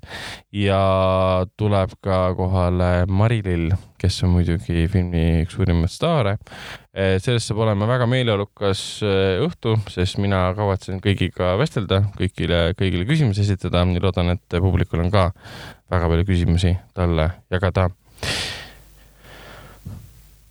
vot, nii, aga liigume edasi uudiste juurde. mida me tahame uudiste ajal rääkida? kas me tahame rääkida? mina tahaksin mainida ühte väga tähtsat asja, nimelt seda, et äh, sellisele tegelasele mm, nagu Sarah äh, leiti siis äh, näitleja, kes hakkab teda mängima. kes on Sarah? loomulikult ma räägin siis HBO äh, The Last of Us'i seriaalist, mis on siis valmib koostöös äh, Sonyga äh,, koostöös ka Naughty Dogiga. Naughty Dog on siis videomängu äh,, videomänge tootev ettevõte äh, tegemist on siis maailmakuulsa videomänguseeria äh, väikese ekraani, väikese ekraaniseeringuga või? Väikese ekraaniseeringuga wow.. väikese ekraani ekraniseeringuga. jah väikese ekraniseeringuga. Äh, väike on sellepärast, et tegemist on siis teleseriaaliga. Äh, ja Sarah äh, on selles Last of Us'is siis meie peategelase Joel'i. Joel Miller. Joel Miller, teda mängib seriaalis siis Pedro Pascal. tema venda Tomit mängib siis Diego Luna. jah, üks on siis sellest noh, troonide mängust ja Mandalooniast ja teine on Diego Luna on siis äh, sellest viimasest äh, Terminaatorist ehk siis äh, Terminaator Dark Fate ja Sarah on siis Joel Milleri tütar, kes on neid videomänge mänginud, esimest osa eriti näiteks. no just nimelt esimest osa, siis ta teab väga hästi, mis, milline on ja kui kurb on Sarah lugu ja Sarah lugu ongi see, mis paneb Joeli loo omakorda tööle mm -hmm.. hästi-hästi oluline ja väga karm ja väga raske roll tegelikult ja seda hakkab mis mängima. paneb kõik täiskasvanud inimesed nutma. absoluutselt, kõik paneb nutma, et no ütleme nii, et sa ei pea ootama ära HBO seriaali, et nutta. Eh, mine Youtube'i ja vaata ilma igasuguse pealelugemiseta ja kommentaarita Last of Us'i gameplay'd ja siis tead, mida tähendab korralik good cry'ni jääda. ja Nico Parker hakkab mängima Säärat. Eh, Nico Parkerit mina teadsin, ta on kuueteistaastane tüdruk, eh, britt vist. ja mina teadsin teda ainult sellest ähm, Kai Ritsi seduurist äh, Tambo Guy Ritchie või? ei, Tim Burton. tähendab, Tim Burton. Guy Ritchie tegi Aladini. kui rääkida Disney live action remake idest. mul, mul, mul on segamini need ja, suurepärased reisijad, kes tegid neid Disney asju, mida keegi enam ei mäleta. kõik need ah, suurepärased äh, režissöörid, kes teevad äh, keskpäraseid Disney äh, uusi nägemusi äh, jah, oma animatsioonidest. oota, Aladini tegi Guy Ritchie? jah. sama mees, kes lavastas Mehe Raivo tegi Aladini. see, kes tegi siis selle Gentlemaniga vahepeal miks, ei tea, keegi ei tea. aga. palganumber aga Nico Parker mängis siis Colin Farrelli tegelase tütart äh, sellises filmis nagu Dumbo ja mhm. mulle see tüdruk seal täitsa meeldis, aga nagu film oli keskpärane, siis film läks ka meelest ära. aga nüüd ta hakkabki mängima Sääret ja siis nagu selle Pedro Pascali kõrvale sobib ta suurepäraselt, vanus klapib ka, kõik on väga hea casting on siiamaani tehtud, et äh, mind nagu üldse ei häiri, et äh, siin on mingi, et päris paljud muidugi Facebookis ja sotsiaalmeedias õiendavad, et mida te teete. miks hakkab mängima mingi, oli vist Tšiili päritolu, minu meelest oli Tšiili päritolu äh, Pedro Pascal Pascal hakkab mängima järsku seda üdini valget äh, ameeriklast äh, John Millerit. Yeah.. miks hakkab mehhiklane või hispaanlane, ma pole päris kindel. Äh,, vabandan. Äh,. Diego Luna hakkab mängima tema venda. Ja nüüd on siis sama lugu. miks hakkab kergelt mustanahaline äh, noor äh, muletitar, ei ole päris kindel, mis äh,, mis ta taust on äh,, aga noh, ei ole tähtis, ta on muletitar äh,, muleti väike tüdruk, miks ta hakkab, miks ta hakkab mängima Joe'i tütart? aga see on see, et kas sa, kas sa ei ole nagu uudiseid lugenud, siis sa ei tea, kes ta isa mängib siis või? see on ju kõik on loogiline ju, milles probleem on? et noh, sa pead asjad, asjad kokku panema ju. et kui, kui. et kui sa palkad Pedro Pascali, siis veel veidram oleks palgata talle vennaks ju mingi üdine valge vend Uh, see ei ole, okei okay,, see ei ole tegelikult nii veider. ei ole muidugi. seda saab selgitada ju selles mõttes, et sul on, sugupood on erinevad ju. aga see tundub loogiline, asi, Pedro Pascal on suurepärane näitleja ja antud juhul see on casting, see on näitlejate valimine tuhandete näitlejate hulgast ja ju siis need näitlejad, noh, me peame seda usaldama, casting, casting protsessi, kus casting director'id oma tööd teevad. mina usaldan täielikult. et see, see oli, need olid parimad võimalikud variandid. Õnneks vaata, mul, meil sinuga, Ragnar, on vedanud, et me ei ole äh, väikesed, väiklased, tagurlikud ja lollid inimesed, et mm. meil ei, me, meis ei tekita mingit nad minu, minu, minu poolt sügavalt armastatud äh, materjaliga tegid, nad panevad Pedro Pascali, Joel Millerit mängima Last of Us'is või? ma ei tea, kui see casting tuli, siis on mingi, Pedro Pascal on jumala äge näitleja. Ta on, ta on põhimõtteliselt mu isa äh, seal Mandaloorianis, et mina olen väike Yoda ja tema mu isa. mina, ma tunnen, tunnen ka ennast nagu beebi Yoda, kui ma Mandalooriani vaatan, et suurepärane rolli, rollivalik yeah,. Yeah. aga igatahes Nico Parkeri, kui jätta see muu äh, rassipoliitika vahele, mida sotsiaalmeedias armastatakse üles kütta ja milliseid hästi palju tühja peksta, siis Nico Parker on väga äge, äge valik ja huvitav oli ka see, mis ma sain praegu teada, et Nico Parker on Tendi, või noh, Tendive on ta vist praegu siis ametliku nimetusega, aga Tendi Newtoni tütar. Äh, Tendive Newton on siis, tema äh, mängis Crashis. Crashis, Westworldis oli ta põhirollis. Impossible kahes. Mission Impossible kaks, mis on siiamaani üks mu lemmikumaid Mission Impossible filme jah, John Woo, nice. John Woo um,. tuletame veel peast meelde uh,. Chronicles of Riddick aa, ja, ja, ja Karl Urbani karakteri Vaako äh,. Dave Vaako oli ta seal. Dave Vaako, jaa. oota, peast rohkem ei meenugi. Steven Newtoni filme. Crash on põhiline, kus ta oli ja, ja Chronicles of Riddick ähm, mm,. Pursuit of Happiness'is mängis näiteks ja Rock n Rollas oli tal põhiroll. aa, Rock n Rolla, jaa, seal oli põhiroll. Pursuit of Happiness ma ei mäletanud enam. seal ma mäletan, et Will Smith oli vaene ja siis see oli nagu irooniline ja naljakas, sest ta tegelikult ei ole vaene ja tal oli ka üsna tähtis roll ka selles Han Solo soolofilmis. Han Solo soolofilm. oli või? ja ta sai surma seal, tema tegelane. mitte midagi ei mäleta sellest filmist. Spoiler aga ja see oligi kõige tähtsam uudis vähemalt, mis minu elus vahepeal juhtunud on. Ragnar, kas sa tahad veel millegist rääkida või siis? ei, ma arvan, et äh, saamegi, saamegi saate saateks lugeda väga-väga ähm, hea uudis, millega saadet äh, lõpetada. ütleme niimoodi, minu jaoks oleks hoopis hea uudis see, kui, kui ma tean äh, selle sarja, Last of Us'i sarja nagu esilinastuskuupäeva minu jaoks ei ole hea uudis see, et äh, tuleb äh, raport, et äh, nad hakkasid nüüd seda sarja filmima. minu jaoks umbes selline mida te ootate? et võtted algasid. ma saan aru, et koroona ja kõik see, aga ma tahan seda näha juba ju. kas te minu no, peale ei mõtle või? ta võtabki sellepärast aega, et sa esiteks pead näitlejad leidma no,. kõik head asjad võtavad kaua aega, ma saan sellest aru.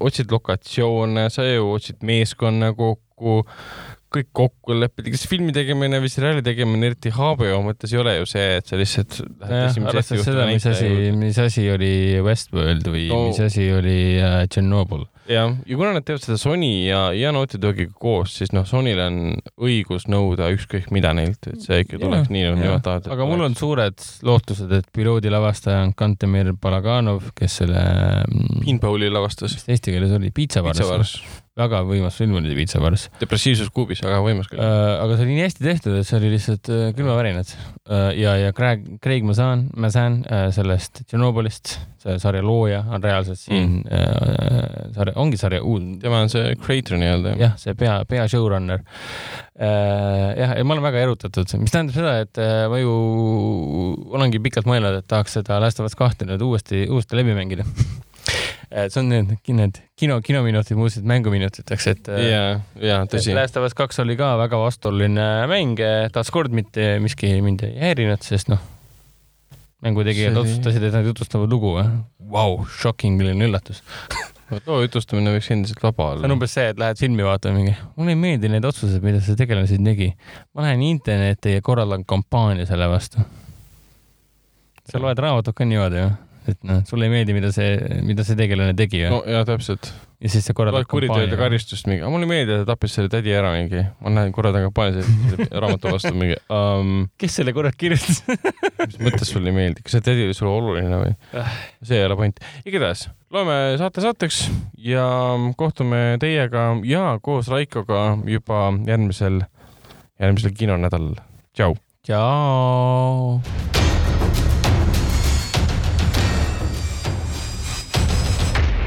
Kinoveebi Jututuba podcasti toob teieni Foorum Cine.